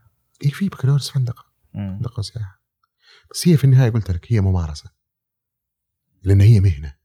حرفة. أنت اليوم لو أنا أجيك أقول لك حجيب لك واحد معاه ماجستير مثلا مو ماجستير في القهوة. تمام ما يعرف يسوي لك. ما يعرف يسوي لك. ما يعرف يسوي لك كوب قهوة. ما يعرف يسوي لك اسبريسو اسبريسو بس. ما يعرف. هل فادته شهادته؟ بس ممكن يحكيك عن القهوة يحكيك عن البن وتاريخ البن إلين ما هو تقول له جبت لي الحموضة يا أخي. سوي لي فنجان قهوة عدل. بس. مم. لا تحكيني عن كل التاريخ حق البن. ممكن تسوي لي فنجان قهوة؟ انت تقول لي حرفة. في ناس عندهم شهادات فأنت you need وناس مش شهادات. مش شهادات. أنت هنا تبغى واحد ينجزك يعرف يسوي لك القهوة. ولو كان معلم ومتعلم خير وبركة. معلم ومتعلم. خير وبركة. شهادات وشهادات يا خير وبركة. أدب بقله الأدب. لا لا بس عجبني ال... لا لا لا ما قلت قلت لك قلة الأدب بأدب. ما قلت لك أدب بقلة أدب. يعني هذه هي عارف؟ يعني على فكرة والله العظيم كل شيء على ما يقولوا بصنعة بصنعة لطف كذا ينقضي.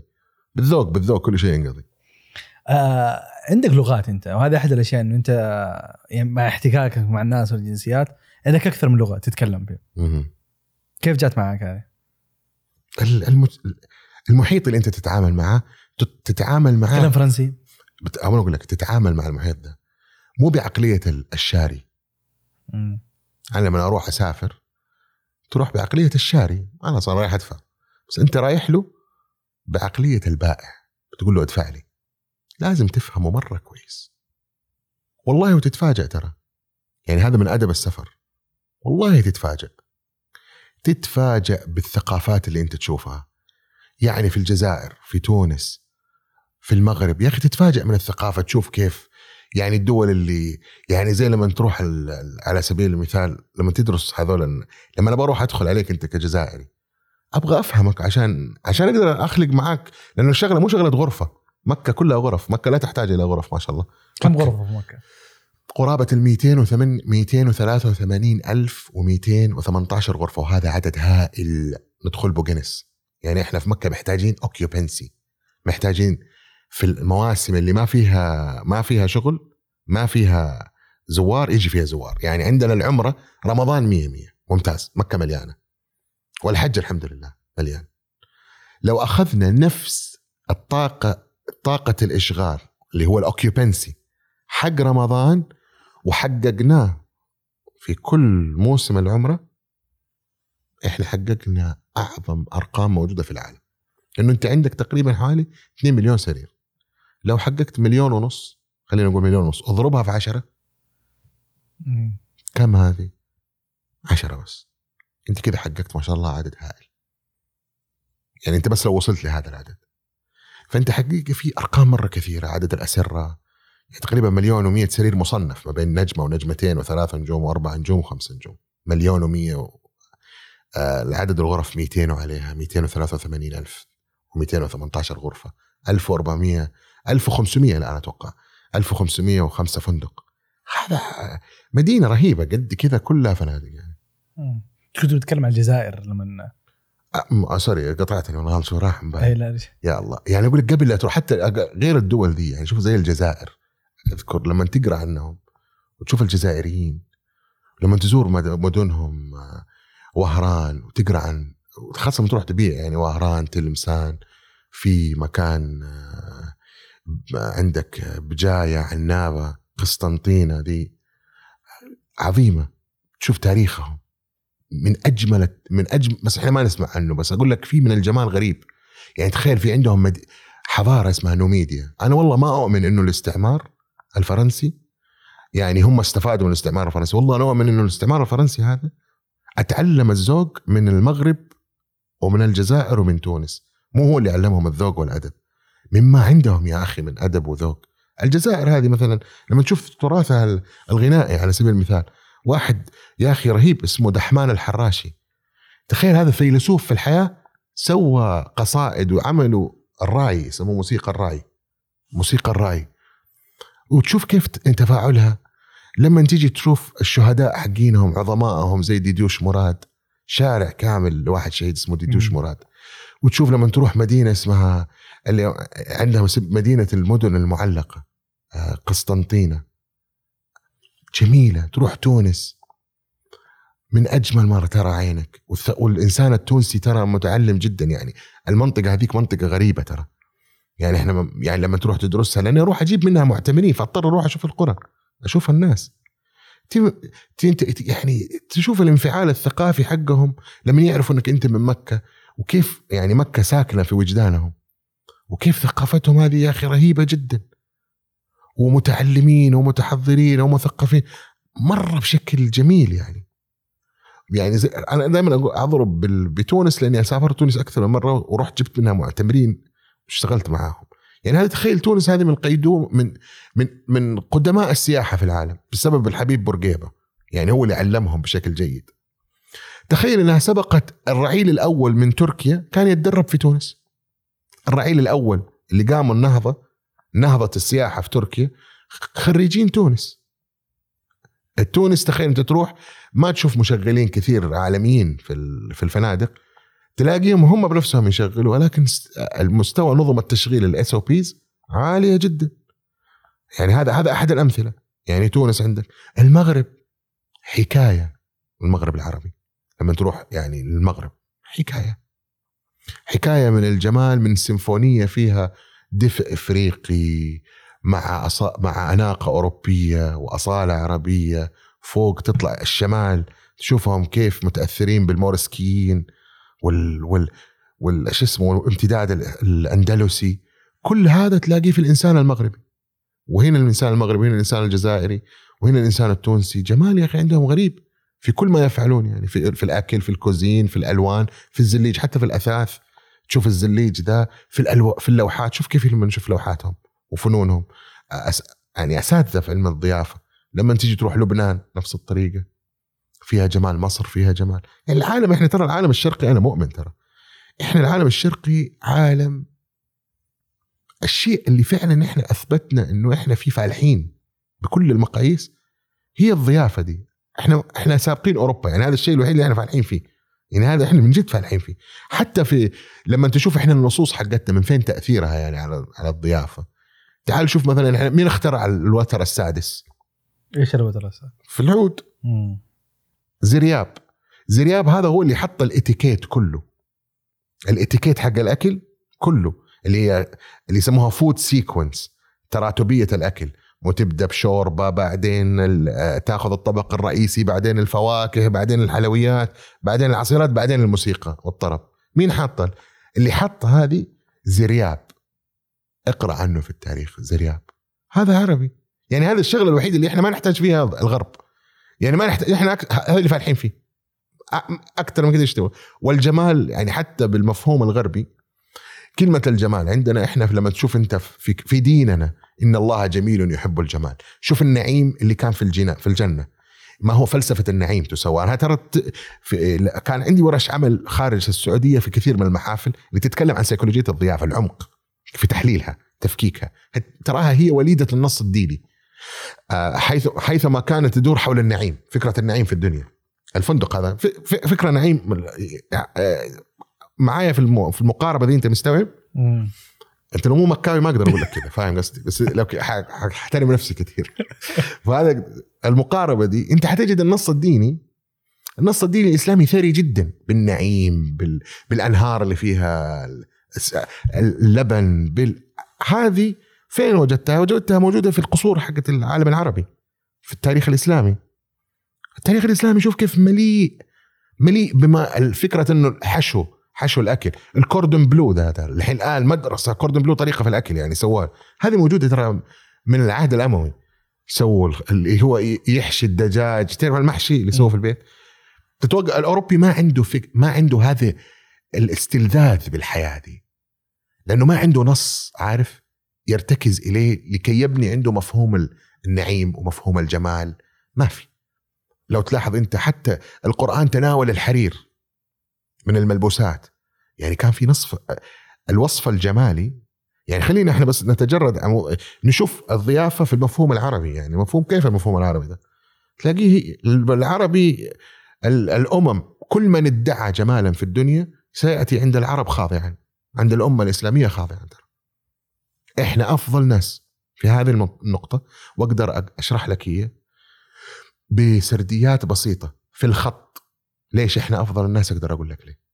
إنه حتى إحنا لما تشوف الكنائس هندسة المسلمين يعني. منين جاء الجمال؟ وأنت ما تشوف المباني. إحنا كمفندقين المبنى يعني لنا شيء كثير. أي مبنى يعني لك شيء كثير. لأنه المبنى معناته روح إنسان. هذه روح المكان. آه، في النسيج اللي انت نسيج المدينة أحد القوى الناعمة للمدينة هي المباني هذه اللي أنت تشوفها.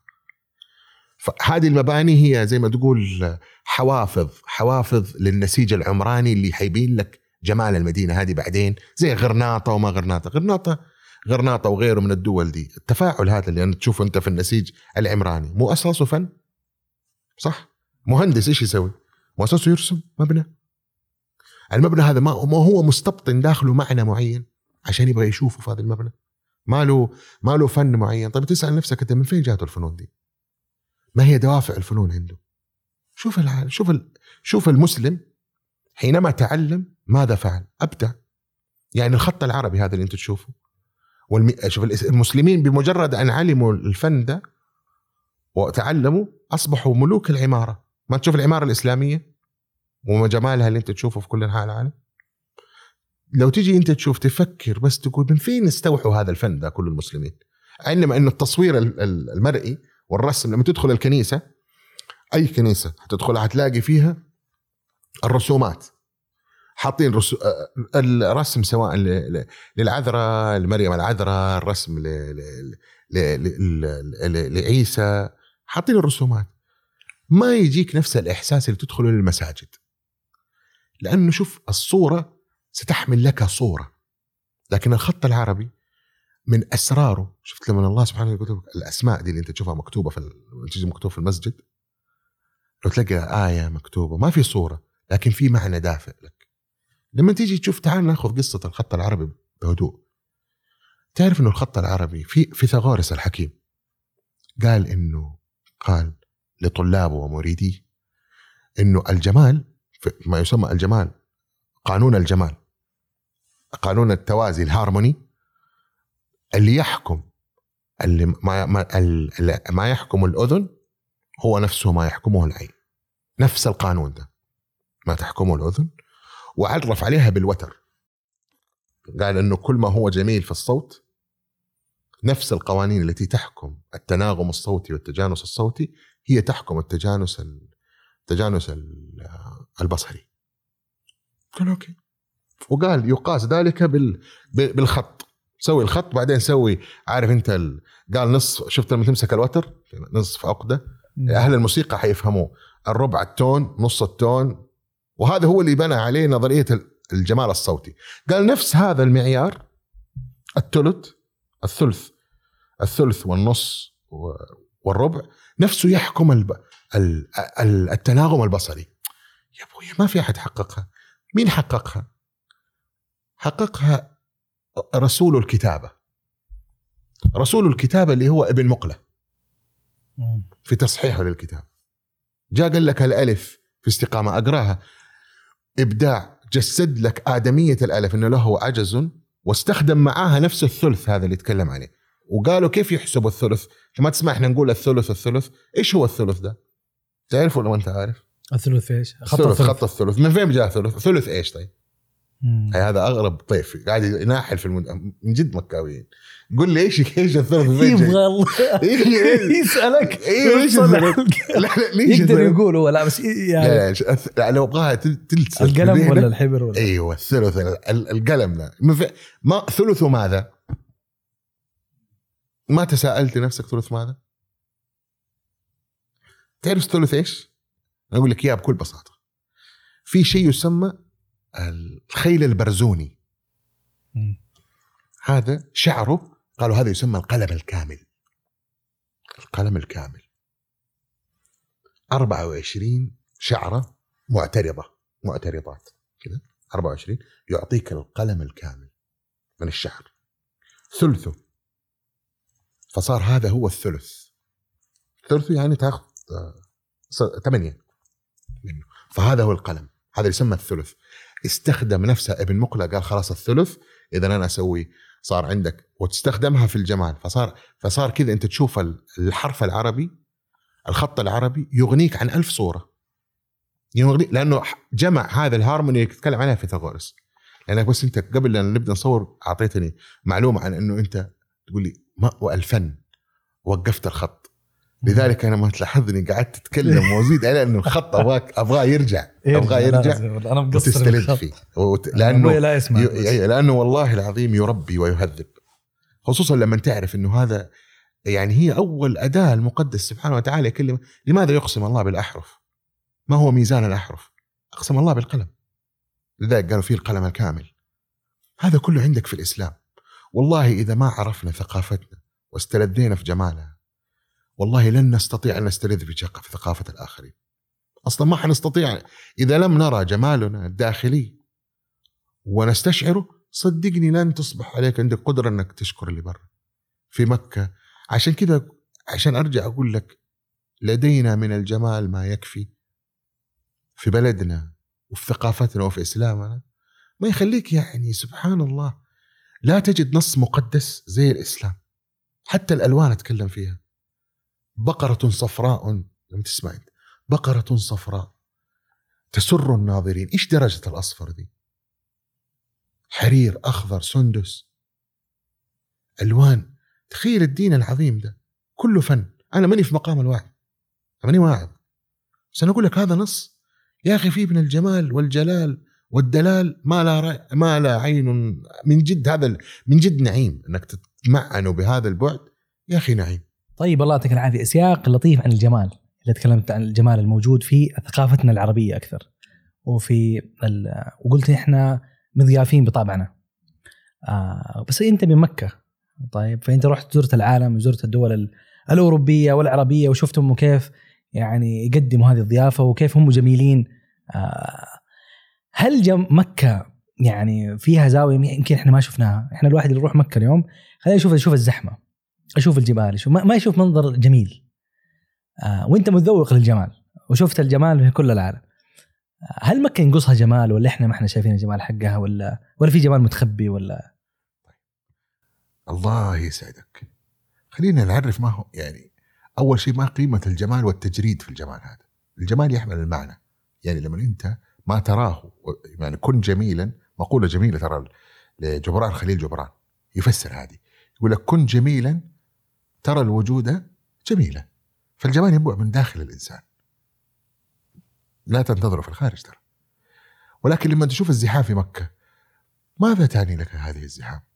كرم هذه البلد. وجود الله على عباده إنهم موجودين. لو شفتوا أنا أقول لك لو رأيت هذا الزحام اللي رأيته في مكة وقلت هذا من جود الله على على على خلقه. سبحانه كيف جواد؟ يعطي بلا بلا سؤال. وعبيده في كل أنحاء الأرض بكل الألسن جايين يتزاحمون في هذا البلد اللي ما فيه حتى زرع واد غير ذي زرع. لو رأيت هذا الزحمه في هذا السياق رأيت هذا المشهد وحطيت له هذا السياق من داخلك حتقول هذا مشهد جميل. هذا مشهد رهيب. ما حتضايقك الزحمة دي. لو تعرف إنه هذه الجبال اللي ما هي خضراء أكيد ما هي خضراء. ولا فيها لا خضار وتشوفها يمكن تقول سبحان الله. لما تراها بهذا البعد وتروح تعمل هايكينج ولا تطلع على أي جبل من جبال مكة يا أخي ستشعر بسكينة ورساوة في نفسك وفي هدوءك وفي عقلك وفي تسارع أفكارك ما حتجدها ولا في مكان. لأنه سبحان سبحان الله هذه من أسرار مكة شوف سبحان الله. يعني ما ما دائما تعرف مكة عارف لما يكون في كلمات مفتاحية زحمة. يا أخي ما فيها شيء. فيها فيها فيها الشيء اللي ما تشوفه لكن قلبه قلبك يحسه. هذا الجمال المجرد اللي أنت تشعر فيه في مكة. لانها ترجعك إلى أساسك. إلى إنك أنت تت... يعني ما حتجد صورة جميلة محطوط مكتوب عليها مثلا زي ما تروح مثلا زي الكنائس على سبيل المثال. محطوط حتلاقي صورة مريم العذراء مرسومة عشان هي هي تستبطن عندك انت آه، شارة شارة الرحمة في في السياق في السياق المسيحي هي السيدة مريم صح؟ لكن انت لما تيجي تروح الاسلام عشان تشوف جمال مكة هذا انت ما انت تشعر بذلك عبر الحرف هذا عبر القراءة لما تسمع الصوت لما تجد إنه الطائفين دول كلهم يشعروا بهذه الرحمة. لا تنتظر. يعني صورة صورة تذكرك بهذا الجمال المستبطن هذه الحالة هذه المعنى. لما تروح مكة أنا أقول لك هذه اللي تخلي البني آدم يطلع يقول الله أنا اشتقت للحرم. هو ما اشتاق لحجارة ترى. هي ما هي حجارة ترى اشتاق لها. اشتاق لها هذا الإحساس إنه يرجع يرجع لجمال فطرته. يرجع إنه يقرأ ذلك. لأنك تطلع من الحرم تشعر بسعادة. ما تعرف ليه. مع إنه انت ما أنت بشايف ذاك فالجمال التجريدي هنا هذا اللي أنت تشعر فيه. هذا الجمال بالشعور. إنك تبدأ أنت تحسه في نسيجك الداخلي. هذا جمال مكة. كثرة الألوان اللي أنت تشوفها مثلا إيش اللي أنت تشوفه كذلك تبغى تعرفه عن مكة على سبيل المثال؟ عن غير هذا الجمال. جمال الأعراق دي اللي تشوفها. ما حتلاقي منطقة جغرافية صغيرة قطرها هذا الصغر في كل الانثروبولوجيا هذه بكل الأعراق والإثنيات المقيمة والزائرة في أوقات منظمة. هذا ما يخليك تحب مكة؟ كمسلم؟ لا بس هو يجي الخلاف فين؟ وأنا لما أروح مثلا مسجد ما ألقى ال- الأحذية مصفوفه صحيح. نظافة الشوارع بعض الأحيان. صحيح. يعني هذا خلينا نقول النقد اللي بعض الأحيان الواحد يلقى. صحيح. نظافة بعض المطاعم نظافة صحيح. الخدمة. صحيح. أم. حتى الفنادق لما تيجي بعض. الفنادق و... وانت اليوم فندقي عشان كذا. انت تقول لي والله مكة ويمكن صحح لي المعلومة إنه فيها أكبر عدد فنادق في المملكة. طيب هل تعلم إنه العمليات الفندقية اللي أنت شايفها في مكة هذه ما في أحد يستحملها في أي بلد إلا هذا البلد؟ كمية ضغط العمليات. ضغط العمليات الدخول والخروج ال check in ال check out هذا ما يصير إلا في مكة. عشان كذا ما في أحد يجي في مكة من تلاقيه ينجح كثير في الأعمال دي. لأنه غير كذا عندك تحديات ما تتخيلها في مكة.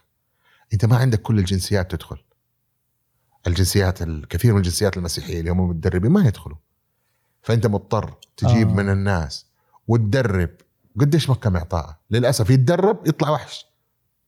بوف ويمشي برا. كل هذه تحديات. فعندك عجز في استقطاب ال ال ال جنسيات معينة ما تقدر تدخلها. ما هو مسلم ما تقدر تجيب. يعني أنت اليوم لو مدير فندق في, في الرياض أقدر أجيب أفضل مدير فندق أفضل موجود. مدير أفضل تقدر تجيب أفضل مدير فندق تقدر تجيب أفضل هاوس كيبر من جنسيات أخرى من ديانات أخرى. آه. أنت في مكة محدود. ولكن الحمد لله في هذه المحدودية بركة. الله مبارك لنا. فانت تتكلم عن الطبيعة الفندقية اللي في مكة المختلفة عن أي مكان في العالم جداً. الضغط. ضغط عالي. شفت أنت الكهرباء هاي فولتج داخل طالع داخل طالع داخل طالع. ومع ذلك يحتاج أكل ويحتاج غسيل ويحتاج ويحتاج ويحتاج ويحتاج ويحتاج. يحتاج جميع تفاصيل الخدمة الفندقية في مكة. فيتدرب عليها تدريب يا أخي مضني مضني جدا. وانت من تجربتك في في العمل في فندق في مكة وشفت أبغى أبغى تفاصيل احترافية يمكن البعض ما ما لامسها في في التجربة الفندقية المكوية. ممتاز. أعطيك مثال.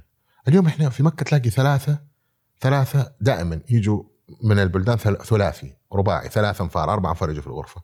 حتلاقينا إحنا الوحيدين اللي عند إحنا رائدين ترى في مكة. مكة أنا بفهم مكة الرياده قبلة. الفندقية يعني. مكة قبلة. ونتفق إنها قبلة لكل ما هو جميل. ولا لم لم يكن يختارها الله كجغرافيا لأق... لبيته. صح؟ هذا يدل إنه هناك بعد جميل في مكة. خارج البعد الرومانسي الإسلامي. يعني نطلع كده. والله هذه منطقيا يا أخي. هذه لها نظرة بجانب نظرة القداسة تفسير نظرة القداسة كشارة للقداسة. لماذا هي مقدسة؟ لماذا اختارها الله؟ حتلاقي كل ما فيها فريد سبحان الله. لا يقاس عليها. يعني يقاس بها ولا يقاس عليها. إذا حطينا هذه الفكرة عندنا حتبدأ تسوي كل استراتيجياتك صحيحة. منها على سبيل المثال أوريك ليش الريادة في في فنادق مكة. إذا إحنا عندنا أربع أنفار أربع حجاج في الغرفة روح لكل فندق موجود في جميع أنحاء العالم حتلاقي خزنة واحدة. صح؟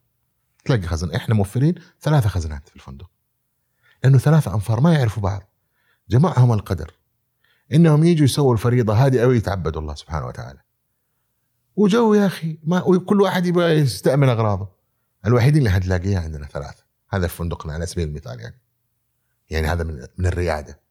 حتلاقي الله يعني آه، موضوع إنك أنت لما تيجي توزع الأسرة توزعها بشكل ما يضايق الناس في النوم. ما يضايقهم في النوم. هذه ما ما لم هذه يسبق معلومة لنا. جديدة إنه ثلاثة ما يعرف بعض في فندق واحدة yes. في غرفة واحدة. لأنه هذا اللي يجوك كجروبات. ذكر لما فصلنا موضوع ال business في ناس يجوا جروبات بعض الجروبات تجي من الدول ثلاثة ما يعرفوا بعضهم. حاجزين. انت لازم تكون واعي للشيء ذا. ولهذه التفصيلة أنت تكون واعي. بالتالي ترتيب الاسره طيب وتخيل أنت لما تيجي تنظف هذا اللي يقول لك والله إحنا التشغيل في مكة. الأدهى والأمر. الثلاثة ما يعرفوا بعض فممكن واحد يكون نازل الحرم. وواحد جالس في الغرفة لما يجي البني آدم ينظف يقول له يا أخي لا تنظف أخرج. محتاج تيجي تنظف وقت ثاني. آه والله أنا فلان خرج. آه إحنا جالسين. وهم لأنهم ما يعرفوا بعض فمو كلهم الثلاثة يخرجوا ولا كلهم يدخلوا. فتسترق أنت إنك تنظف. وينظف ويرتب ويخرج. أذوق من كذا لم ترى قط عيني. ريادة حقيقية في الضيافة. يعني هذا الموضوع إحنا فعلا رائدين فيه. رائدين. بلدنا المملكة رائدة. رائدة رائدة رائدة. الضيافة الكرم. شوفوا في كل أنحاء المملكة. ولما تجي إلى مكة شوف. كله كله تلاقيه. رائدين حقيقيين في هذا.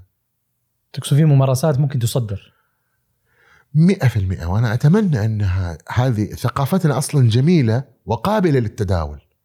نقدر نحطها في كبسولات على شكل كبسولات إما تشغيل فندقي شركات التشغيل الفندقي إما على شكل مطاعم وهذه ما شاء الله سووها كثير من الشباب إما على شكل آه، زي ما هذا الفن اللي قاعد تسووه أنتم جزء من الفن اليوم جزء من تأصيل الثقافة اليوم والتراث والقوى الناعمة.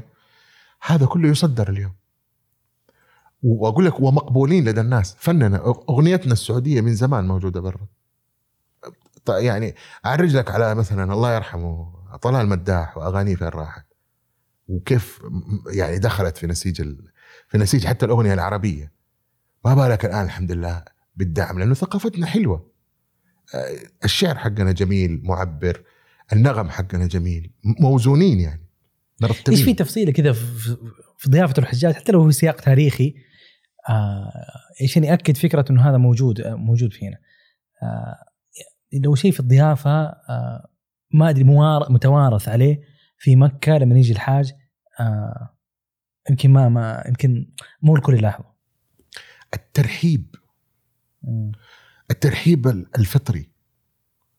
اللي كل يرحب مكه يعني وكل يفزع فاهم قصدي؟ وكل يحل المشكلة بعدين نتضارب قصدي؟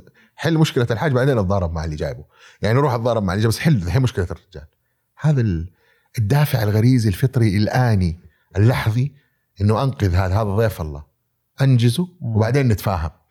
خلصوا وبعدين نتفاهم. الحاج اولا أي الحاج اولا خلصوا بعدين نشوف المشكلة جاية من مين ونروح نتفاهم معه. بس دحين خلص هذا. هذه الحالة دي آه يعني خليني أقول لك الفطرة الفطرة السريعة في الاستجابة للضيف. استحضار فكرة إنه ترى هذا جاي من عند ربي. هذا مو مو أنا اللي جايبه. ومين أنا؟ أنا خادم للبيت. تعرف ترى تعرف الخادم؟ بقول لك حاجة ثقافة الخادم. بس بسيط. آه، دائما أنت لو تبغى ترسل أحد دحين الحين تبغى ترسل أحد بيجيب لك حاجة من البودكاست دائما ترسل للرجال الكفو صح؟ صح. ينجزك يخدمك يخلصك. زي أمجد زي كذا. بدل أمجد الكفو يخلص صح؟ ترى لما الله يختار هذه الجغرافيا والناس دي إنها تخدم عنده هذا قضية إنه كفو ينجز يتحمل يصبر. وبعدين هو مستحضر إنه ترى هذا الضيف مو أي ضيف. مين داعي هذا الضيف؟ مين داعي هذا؟ مو أي إنسان هذا الله اللي داعي. والله اختار هذول يلا روح اخدمهم يلا اخدمه أنت تولى روح. هذا تلاقيها ترى موجودة في عارف أنت في في الدي ان اي النسيج الثقافي؟ آه، في اللا شعور حتلاقيها في سلوكيات الناس. تلاقيه في البداية يتكلم لك إنه هو إنه حيسوي بس ترى بمجرد ما يشوف الحاج. سكون. يهجد يروح يخدمه. بعدين يفكر في الفلوس بعدين يفكر في مدري إيه. وهذه موجودة في يعني حق توكل الله. مولانا يتولانا عمي وكل الله. صحح نيتك. لا تدقق الحساب فالله يدقق عليك. هذا ضيف عند الله. توكل. آه تمشي تسلك. الكلمات هذه آه كلمات في السياق التداولي اللي موجود في مكة. يعني صح يا أستاذ أحمد؟ صحيح. ما لا ما تديني مع إحساسي إنك كأنك جاي من باريس. للحظة كذا هذه الكلمات ما تستخدمها أنت. سهالة تتسهل. صح, صح. الله ييسرها. يا عمي مولانا يتولانا. توكل على الله. يا شيخ لا تدقق قول بسم الله هذا موسم ويعدي هذا بيت الله ضيف الله. هذا اللي موجوده في السياق التداولي. تراكمت تراكمت تراكمت سوت عند ال... عنده الجلد يعني يتحمل. يقدر يوقف في ظهر يقدر يطلع يقدر يتحمل ما لا يتحمله الآخر. مو ضعفا في الآخر. يعني هذا ما يسمى على ما يقولوا من العدل الإلهي. يعني اليوم المناطق اللي عند البحر حتلاقي أغلب الناس تفهم في الصيد. المناطق الزراعية أغلب الناس تفهم في الزراعة. حتى لو ما كان حتى لو كان مهندس لو كان طبيب بس هو يفهم في الزراعة يفهم في أنواع الزرع يفهم في أنواع النخل يفهم في انواع إذا كانت منطقة زراعية على سبيل المثال. هذا الله خلاه يخدم أهل البيت. أعطاه هذا الجلد. الصبر ترى الخادم صابر يصبر ويقول أبشر حاضر مع إنه في طبعا تغيرت إحنا ما نعمم لكن نقول هذا ما نستبطنه نحن. أنا مثلا أقول لك أستبطن ذلك وأسعى إنه واسعى إن هذا يتتم إنها تكون تنزرع في في وجدان الناس إنه يعرف المعاني دي. لأنه اليوم أنا أقول لك حاجة الإيمان بالله يعني تدخل النار وتدخل الجنة ترى بفكرة مو بعمل. الإيمان فكرة. فكرة ترى. تقول لا إله إلا الله. هذا إنك ت- ت- يعني تنزه المولى جل جلاله عن كل خالق سواه. في علاه. خلاص تنزهه تصير أنت مؤمن. تدخل بها الجنة. فكرة. وإنما الأعمال بالنيات. هي فكرة تدخلك الجنة وفكرة تدخلك النار. كذلك هي الفكرة. كيف حخدم هذا الحاج؟ كيف حدخل شغلي؟ كيف حبدأ حياتي؟ فكرة. كيف صنعتك مكة مهنيا؟ والله أنا أقول لك مكة متفضلة على كل من عمل فيها. كائنا من كان ومن ينكر فضلها فهو جاحد لشيء يعني كبير. مكة خلت خ- مكة المسرح العالمي الأكبر المسرح الأنثروبولوجي الكبير. كل محطة في الدنيا هي محطة محلية إلا مكة بنص من المولى في سياق قرآني في سياق سماوي من عالم الملك. يعني كل شيء من الأرض هذه كل شيء في الأرض من الأرض كل شيء إلا القرآن. من فين جاينا؟ كل ما في الكون هذا من الكون إلا القرآن جاينا من خارج من خارج الكون من خارج هذا من خارج هذا السياق اللي أنت شايفه. الكوزموس هذا الكبير كله الأكوان كل ما فيه منه. إلا القرآن آت من عند المولى سبحانه وتعالى من برا. فسبحانه أختار هذه البلد. فمن أي كائنا من كان اشتغل في هذا البلد صار له صار له نصيب من هذا الشأن. إما من الفتوح ابن عربي على سبيل المثال. من لا يعرف ابن عربي؟ فين مين كيف اشتهر ابن عربي؟ بكتاب واحد اسمه الفتوحات المكية. لما جاء مكة صار عنده فتوح. هذه طاقة مكة. هذا الجانب اللي إحنا اللي نتمنى إنه نتكلم عنه. والناس غيري يتكلموا عنه. والناس يجي تكش- تستكشفوا زي أنتم ما شاء الله في البترول. أنا أتمنى ال- ال- خريجين البترول والناس اللي زيكم اللي عندهم هذا الإبداع. لو جيتوا مكة بس تذكر إنه ابن عربي لم يكن ابن عربي ولم يعرف إلا بالفتوحات المكية لما ألف كتاب الفتوحات المكية. فمكة إيش أضافت لي؟ بلاها لا شيء أنا.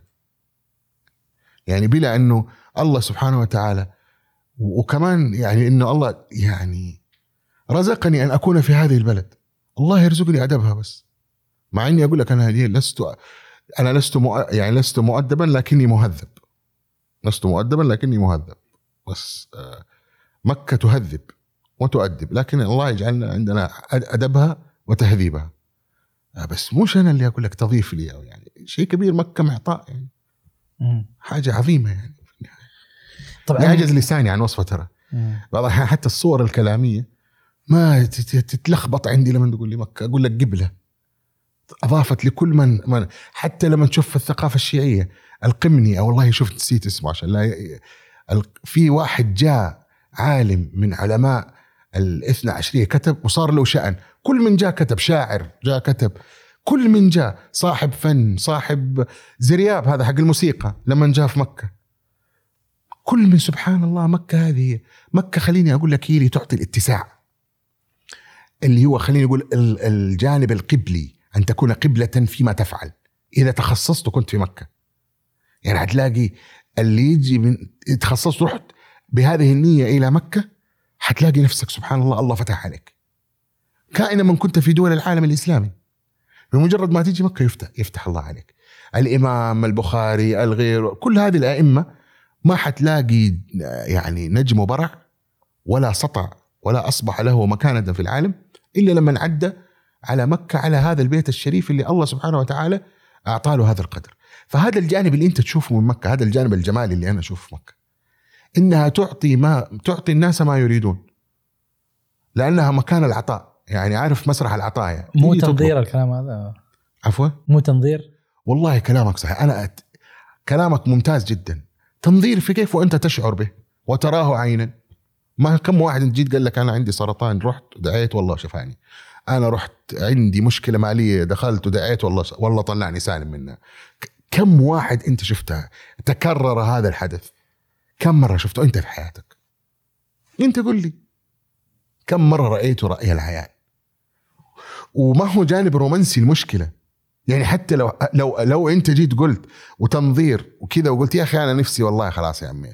بطل من الكلام ده حق مكة وحق حق too much of يعني ال religious عارف؟ انك أو إنك تكون مرة إيش التدين ما أقول لك على التدين. أقول لك مسرح للكرم والعطايا. روح أطلب. تبغى دين يعطيك. تبغى دنيا يعطيك. مسرح للعطايا. ما يعني هذا الشيء ما في أي نوع من أنواع السياق اللي أقول لك عليه آه، فيه لا أنا أفهم فكرة الواحد يروح للحرم ويدعي ويتشافى ويشعر بالسعادة. ممتاز. بس لما نتكلم مثلا على الفرص ما هو بالضرورة إنها تكون كلها في مكة أو أفضل الفرص في مكة أو اليوم أقول لك ليش أفضل الفرص في مكة؟ أنا أكلمك في قطاع الفندق أنا هنا أنت صح. بودكاست 100% مهني. صح. يعني أنا طالع اليوم عشان المهنة مهنتنا دي. اليوم اللي يبي يتعلم ضيافة ويشوف إيش معنات كلمة أعلى درجات الضغط. يعني شفت لما تكون ماشي بسرعة وما ذلك أنت محافظ على وزنة السيارة. عارف؟ سواق محترف أنا بقول. يروح يشتغل هناك يتعلم. حيتعلم ما ما حيقدر يتعلم لأنه ما يقدر يشوف كل الجنسيات في وقت واحد إلا في الحج. كل الجنسيات موجودة. فحيقدر يتعرف على كل الثقافات دي في وقت واحد. عشان كذا هذا فرصة إنه يجي سواء حتى صانع المحتوى اللي بيشتغل في الفندقة اللي يبغى يشوف العالم كله في يوم واحد يجي مكة في الحج. إيش ما كانت شغلتك؟ يعني مو شرط تكون متدين. مو شرط تجي عشان أنت والله متدين. ولا هذه اللي هي ما يسمى بما بال بال بال بالمصطلح الصوفي المشهور هي الدروشة. لا. تعالوا أنت بكامل قواك العقلية. كثير ناس أصلا ما هم متدين يجي يكتشف هذا النوع الجديد من الإحساس اللي يجي له في هذه المنطقة الجغرافية.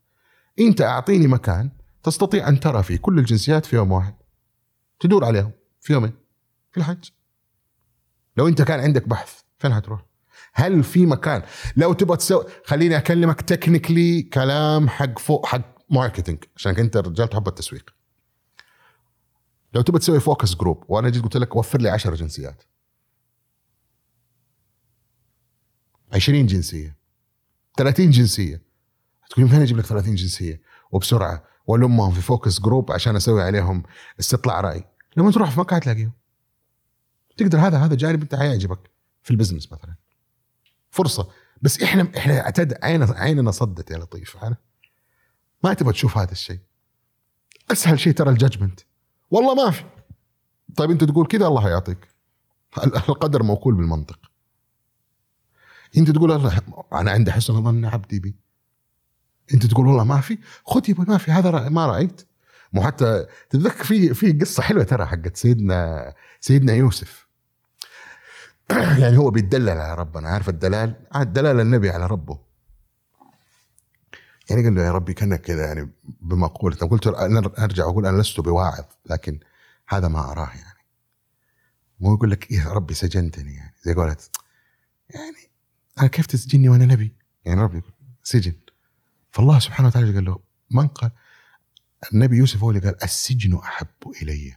أنت قلت. والله يقول لك ادعوني أستجب لكم. أنت ترى إنه ما في ما حتشوف لو كانت الفرصة تحت رجلك.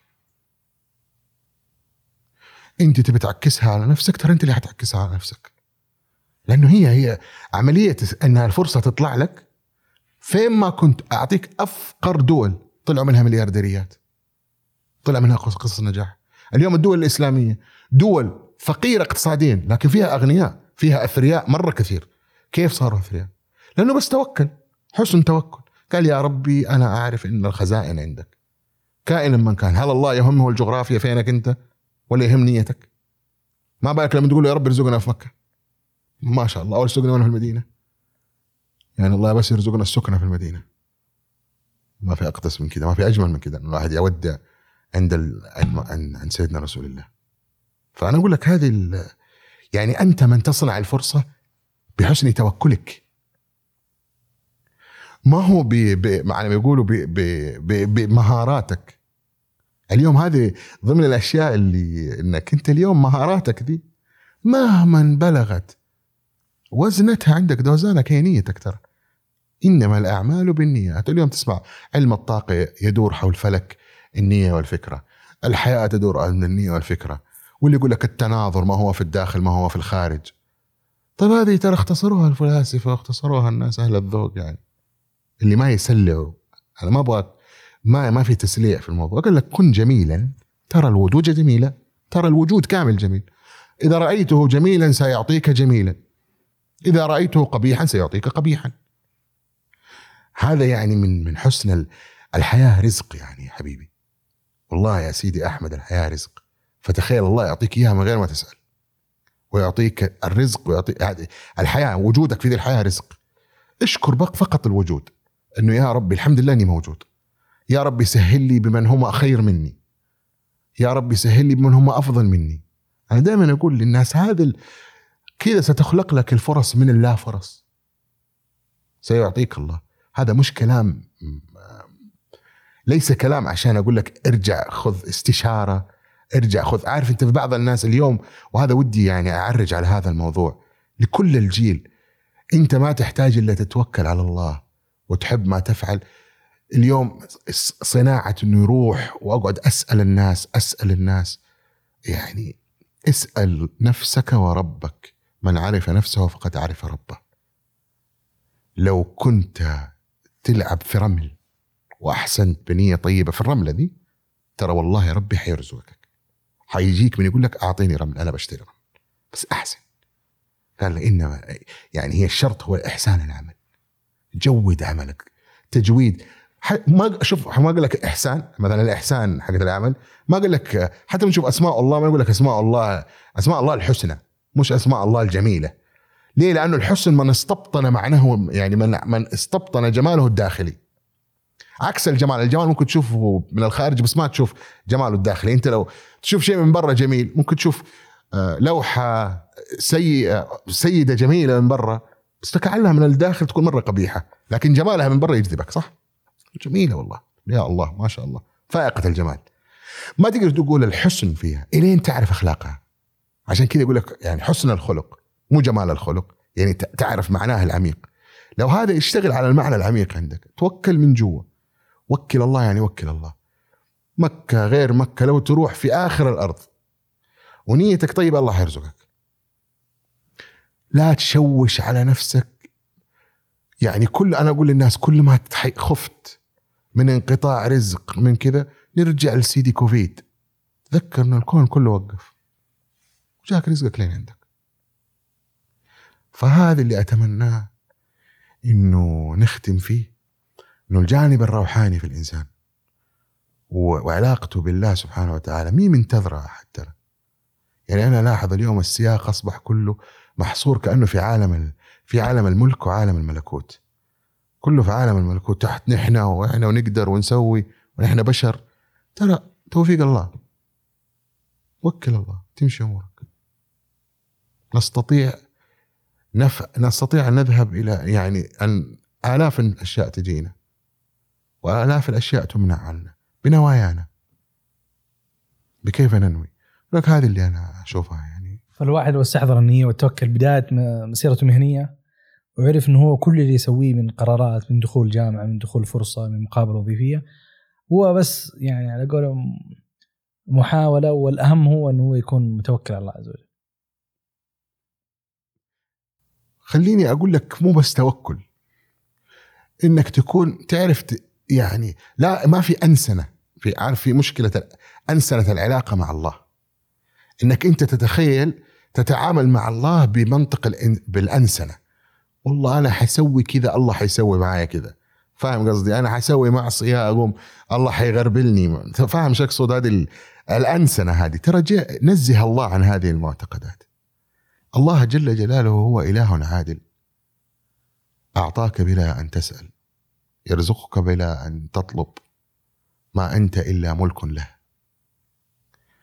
ونزهه عن أنسنته في مخك يعني في عقلك. هو إله. منزه عن إني عارف أتعامل معاه بخذوهات أو أتعامل معاه بإنه ترى بيغربلني وغرب. ما ما الله ما يخلق العباد ليغربلهم. حتى الآية الشريفة هذه اللي أنا أقول في كل مكان أحب إني أعرج عليها ما خلقت الانسان اللي يقول لك في كبد خلقنا الإنسان في كبد. أغلب الناس دائما في السياق المهني اللهم يستحضروها. كبد كبد. ما تلاحظها دائما إنه كبد كبد كبد. إنه جهد وتعب وما تعب. على سق ذلك لما ترى تقرأ سياق الآية الشريفة. حتجد إنه كبد هنا توازي في القرآن هي ما يسمى في أحسن تقويم. حتى الله شوف أنت سياق الآية. الم نجعل له عينين ولسانا وشفتين وهد يعني فلاقتحم العقبة. كل هذا يدل لك إنه مو معقول يكون خلقه في في في جهاد هو اعطاه له كل هذا علما إنه سياقها تبين لك إنه هو في أحسن تقويم. وتشوف التفاسير حقتها تجد إنه في أحسن تقويم.